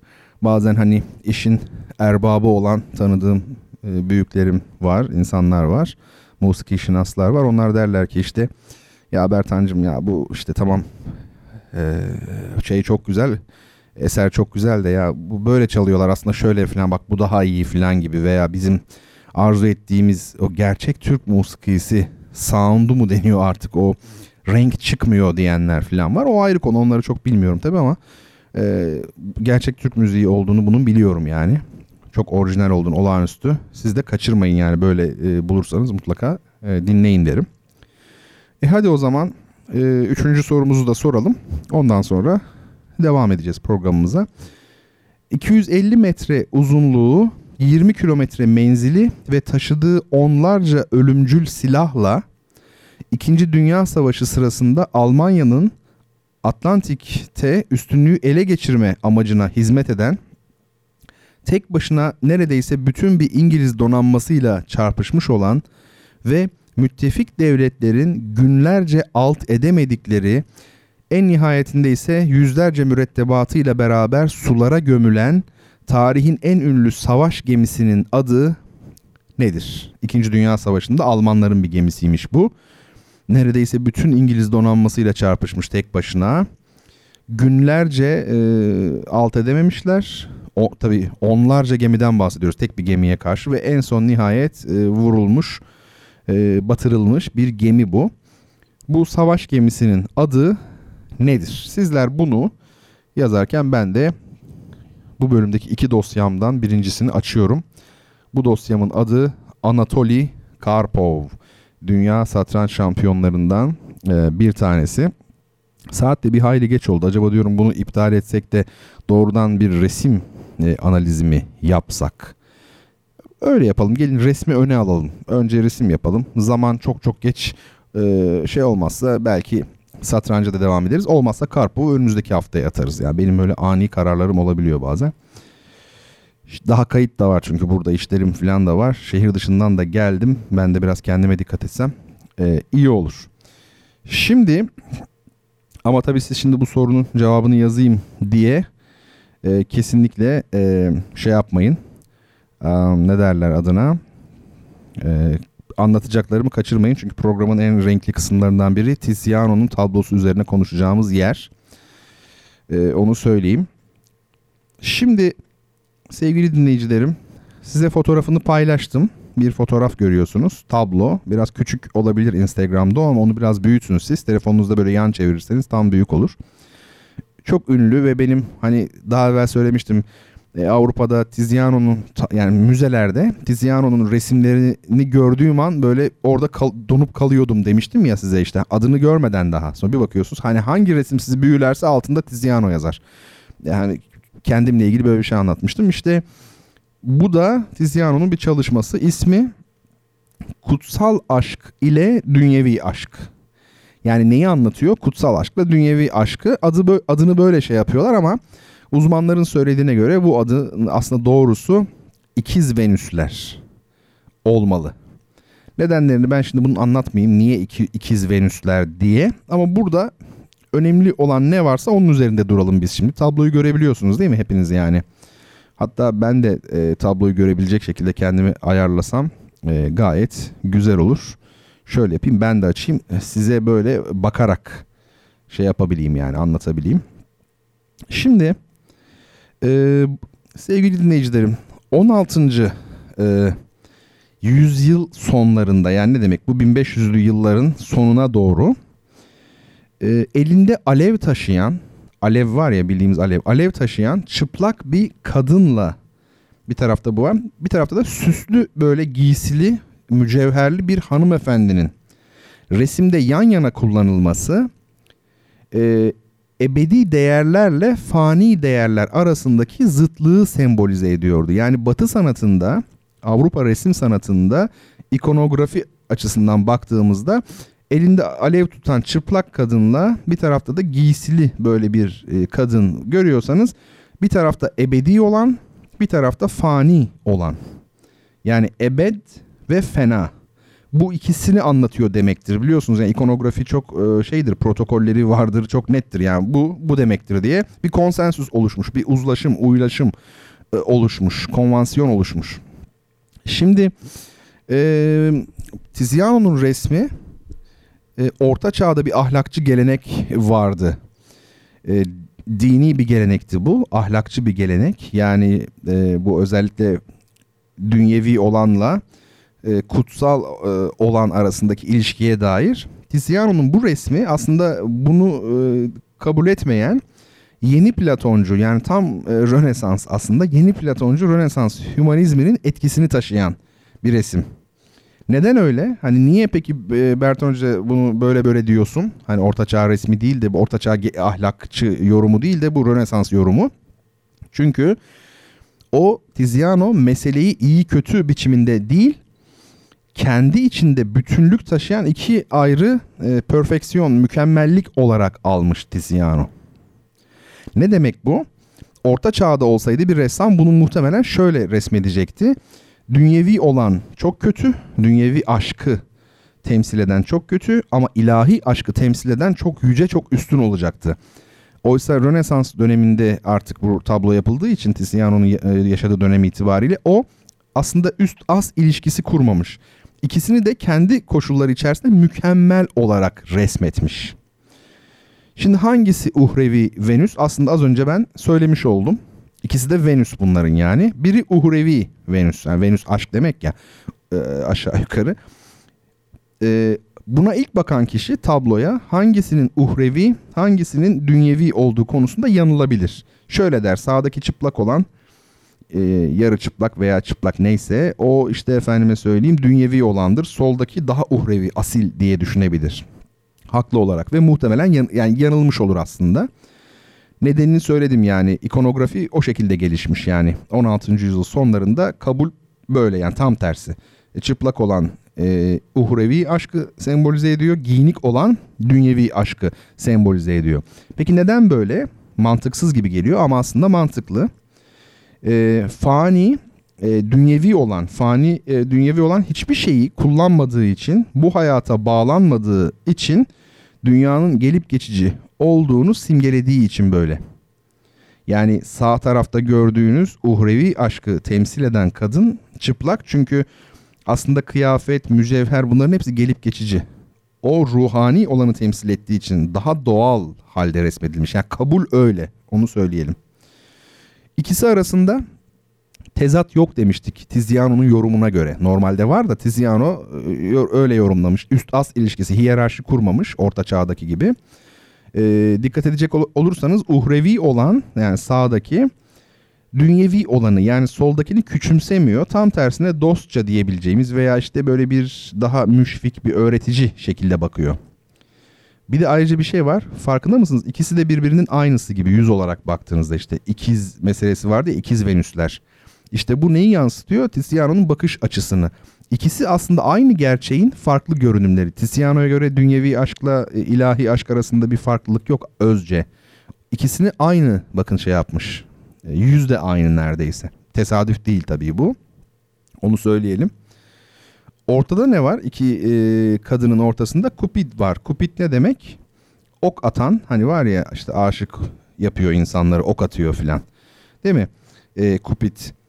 E, o var. Peki ne yapıyor? E, iki Venüs'ün ortasında pınar var orada. Pınar derken göze, kaynak veya havuz deyin küçük. Onu karıştırıyor. Öyle değil mi? Ee, bu da neyi anlatıyor? Yine o dönemin ikonografisi gereği sevginin yerle gök arasında bir aracı işlevi olduğunu anlatıyor. Karıştırıyor yani. Yerle gök arasında aslında bir işlevi var sevgi. O yüzden ne yukarıya yani uhrevi olana ne de dünyevi olana indirgenemez. O sadece bir araçtır ikisi arasında. O yüzden de bunu sembolize etmek için bu düşünceyi Tiziano onu karıştırır şekilde eliyle resmetmiş. Değil mi? Bir sebebi olmalı yani biz bir tabloya bakıyoruz. Orada bir işte küçük çocuk var. Ne yapıyor? Suyu elini sokmuş ama niye? Bir sebebi var. Bütün e, bu Avrupa sanatında resimlere baktığınızda e, ikonografik bir şeyi var, background'u var. Onu bilmek en azından okumak lazım ya da merak etmek lazım. Öyle bir şey. Ee, bir de dikkat edin bu kupit yani suyu karıştıran çocuk var ya işte bu kaynak yani e, havuz neyse aslında eski bir lahit. Yani bakın orada mezarlık gibi değil mi? Lahit var orada. Tiziano şunu söylüyor aslında. Ölüm hayatın kaynağıdır. Yani o bir e, mezar mesela lahit ama içinde şimdi su var, hayat var. Ölüm e, hayatın kaynağıdır. Salt akılla kavranabilecek uhrevi güzelliği ancak tensel olarak kavrayabileceğimiz dünyevi güzellikle anlayabileceğimiz düşüncesini anlatıyor aslında. Çok tunturaklı bir cümle oldu. Değil mi? Bir daha söylemeye çalışayım. Yani uhrevi güzelliği anlamak için diyor aslında ee, tensel olarak kavrayabileceğimiz dünyevi güzellikten yola çıkmalıyız diyor uhrevi güzelliği. Bakın bu da ilginç yeni Platoncu düşünceler aslında bunların hepsi. E, uzmanların söylediğine göre bu resim münazara resmi denebilecek eski bir türün temsilcisi aslında. Tiziano o, o türden, e, o gelenekten yola çıkarak yapmış. E, ne demek bu? İşte zıt nitelikte iki tane alegorik figür var karşı karşıya. İşte biri dünyevi olan, biri bilmem ne. Hani Hazreti İsa'nın söyledikleri vardır ya işte iyi çoban, kötü çoban. İşte iyi ev sahibi, kötü ev sahibi. Böyle alegorik öyküler. Dolayısıyla orada biri sağda o şekilde duruyor, biri solda ve bunlar genellikle e, zıt ve iki farklı ilkeyi temsil ediyorlar. Buna işte münazara resmi deniliyor. Bu da o türde aslında ama e, biçim olarak öyle yani ama işte Siano'nun yorumu öyle değil dediğimiz gibi yani o zıtlığı çok yumuşatmış çünkü o. E, Roma'da Roma İmparatorluğu döneminde efendim bir de nerede biliyor musunuz e, Katolik Orta Çağ boyunca çıplaklık pek hoş karşılanmıyor idi. Yani çıplaklık e, benimsenmemişti yani hoş görülmüyordu. E, neden? Çünkü ya yoksulluğun ya da arsızlığın belirtisi olarak görülüyordu. Yani ya e, çıplaksa bir insan ya işte efendime söyleyeyim çok yoksuldur giyinemeyecek kadar ya da işte efendim şeydir yani utanmaz bir şey falan. Neyse edepsiz yani terbiyesiz. Ee, ama bir taraftan da yine aynı toplumlarda çıplaklık e, dolaysızlığın e, samimiyetin, içtenliğin bir de eşyanın yani hakikatin özünün ifadesi olarak da görülüyordu. Yani öyle de bir saygı görme durumu vardı çıplaklığın. Onu söyleyelim. Mesela yine orta çağda katolizm açısından baktığımızda söylendiğine göre çıplaklığın dört tane anlamı olduğu söyleniyor. Bir tanesi tevazu. Çıplaklığa yüklenen manalar bunlar. Biri mülksüzlük. Yani mülk olmaması hadisesi. Biri e, masumiyet olarak görülüyordu ama bir tanesi de şehvetti. Orta çağda çıplaklığa verilen anlamlar. E, fakat sanat söz konusu olduğunda bu sonuncu anlam ne olmuş oluyor? Zamanla dışlanmış oluyor. Yani orta çağda çıplaklığa verilen dördüncü mana yani şehvet manası o çağrışım tıraşlanmış oluyor. Sanat hep o ilk üç e, olumlu tarafına yani tevazu, mülksüzlük ve masumiyet yani gibi bir şey. E, bunu da bilmekte e, fayda var. Bir de biçimsel olarak da bir resme pek bakmadık. Baktığımız zaman şöyle bir iki tarafın kıyas edilmesi e, gerekir aslında. Yani sağdaki uhrevi olan Venüs'ün arkasındaki fona bakalım ve soldaki dünyevi olan Venüs'ün değil mi? Mesela mücevherler falan giymiş bakın takılmış böyle. Onların hepsi geçici şeyler işte dünyevi derken o. Bir de onun arkasındaki e, peyzaj, e, manzaraya şöyle bir e, bakalım karşılıklı. Sol tarafta bir kere kadının elbisesi Venüs'ün beyaz sarı elbiseler. Bunlar biraz böyle şey mutluluğu sembolize eden renkler. Saçı falan baktığınız zaman yani beyaz ve sarıyı düşünecek olursak. E, altınlar dediğim gibi dünyevi zevkleri, değerleri sembolize ediyor. Bakın dikkatli bakın. E, cep telefonlarınızdan görebilecek misiniz? Zannediyorum gör, yani göreceksiniz. Bu arkada yokuşa doğru şöyle iki tane tavşan var. Kadının olduğu yerde sol taraftaki Venüs'ün arkasında hemen dirseğinin hemen e, birazcık açığına düşüyor. Tavşanlar. O tavşanların ne işi var orada? İkonografi gereği bir anlamı olmalı. Doğurganlığı ve e, tensel zevkleri, cinselliği e, sembolize eden e, şeyler onlar. Yani tavşan ne demektir? Yani tavşan çok çabuk üreyen bir canlı olduğu için işte tensel zevkler, cinsellik olarak yani o sembolize etmiş, onu oraya koymuş. Sol taraftaki o arkadaki şatoya baktığınız zaman daha kentsel. Tabii o derebeylik dönemi orada ne olacak bir şato var sadece ama kent derken ama biraz daha bir böyle e, uygarlık yani insanlık belirtisi bir medeniyet şeyi var gibi. Atlı biri gidiyor falan vesaire. Sağ tarafa baktığınızda daha tabii bir şey görüyorsunuz. Yani değil mi? Daha doğa var sadece. Orada da koyunlar var. Koyun nedir? Agnus Dei. Tanrı'nın kuzusu. Kurban ya. Kim o? Hazreti İsa'nın işte sıfatlarından bir tanesi ya. Bir o bir de kilise var sağ arkada. O da neyi işte ilahi olanı temsil ediyor. Zaten bu sağdaki Venüs'ün elinde de bakın bir buhurdanlık gibi değil mi? Böyle ateş tutmuyor ama yine yanan bir tüten, tütsü gibi bir şey var. E, dolayısıyla bu da böyle. E, çok tabii saatlerce konuşulabilir. Yani aslında pek çok şey söylenebilir ama e, seviyorsunuz herhalde değil mi? Bu şey resim analizleri falan hoşunuza gidiyorsa arada bir yaparız yani yapmaya çalışıyoruz. E, Gülsüm Hanım istemişti bunu hocam biraz arttıralım diye. E, biz de tabii o tarihten sonra o istekten sonra biraz şey yani arttırdık belki ama pek de arttırabildim mi bilmiyorum ama e, hani hepsine de zaman olmuyor işte. Yavaş yavaş yapabiliriz. Yavaş yavaş da şey yapıyoruz yani. Ya, cümle çok kötü oldu değil mi? Yavaş yavaş yapabiliriz. Yavaş yavaş da yapıyoruz. Peki tamam. Şimdi ha, bu kitap meselesi vardı. Onun tam olarak şey yapmadık. Ee, değil mi? Hediye kim alıyor? Bakabildik mi ona? Ha, e, bir saniye ben çok özür dilerim. Bu en son sorduğum sorunun cevabı Bismarck değil miydi? Evet tamam. İlk bilen kimdi? Onu bulamadım ben az önce. Şimdi birazdan bulurum hiç merak etmeyin. Evet Rabia Hanım. Rabia Atacan. Çok sevindim. Onun e, kitabı kazanmasına çünkü dediğim gibi mailine cevap verememiştim ama kendisine eğer lütfen bana ulaşsın tekrar yazsın. Hani eğer şey yapamadıysa e, bu kitabı daha önce aldıysa belki başka bir kitap veririz yani bir şey yaparız yani öyle bir şey. Bir de Hüseyin Demir, e, Burcu Ece Korkmaz ve Betül Sözen ne kadar aportta ve hazır olduklarını görüyorum yani. Bu defa onlar kazanamadı ama böyle ikinci, üçüncü ve dördüncü durumda e, sıralanmışlar. Peki başka bir soru var mı acaba? Rabia'm demiş ki kelamdaki kıyasül gayib ale şahit ilkesini hanımsa, anımsattı demiş. Ne acaba hangisi yani anlattıklarımdan hangisi acaba? Kelam ne güzeldir değil mi? Teoloji. Bakın bizde teolojinin adı kelamdır aslında yani siz bakmayın bu ilahiyat milahiyat bunlar yeni türetmeler. Kelam ne hani başlangıçta söz vardı demiştik ya nomos Yunanca veya logos aslında. E, bizde de teolojiye verilen isim zaten kelam yani söz. Kelamın kendisi yani. O açıdan da önemli bir şey. E, bu tefsir meseleleri de çok ilgimi çekiyor ama bu aralar pek şey yapamıyorum çünkü başka şeyler ilgimi her şey ilgimi çekiyor ve galiba yani ars longa vita brevis diyor ya sanat uzun yani meslek uzun hayat kısa gibi bir durum olacak.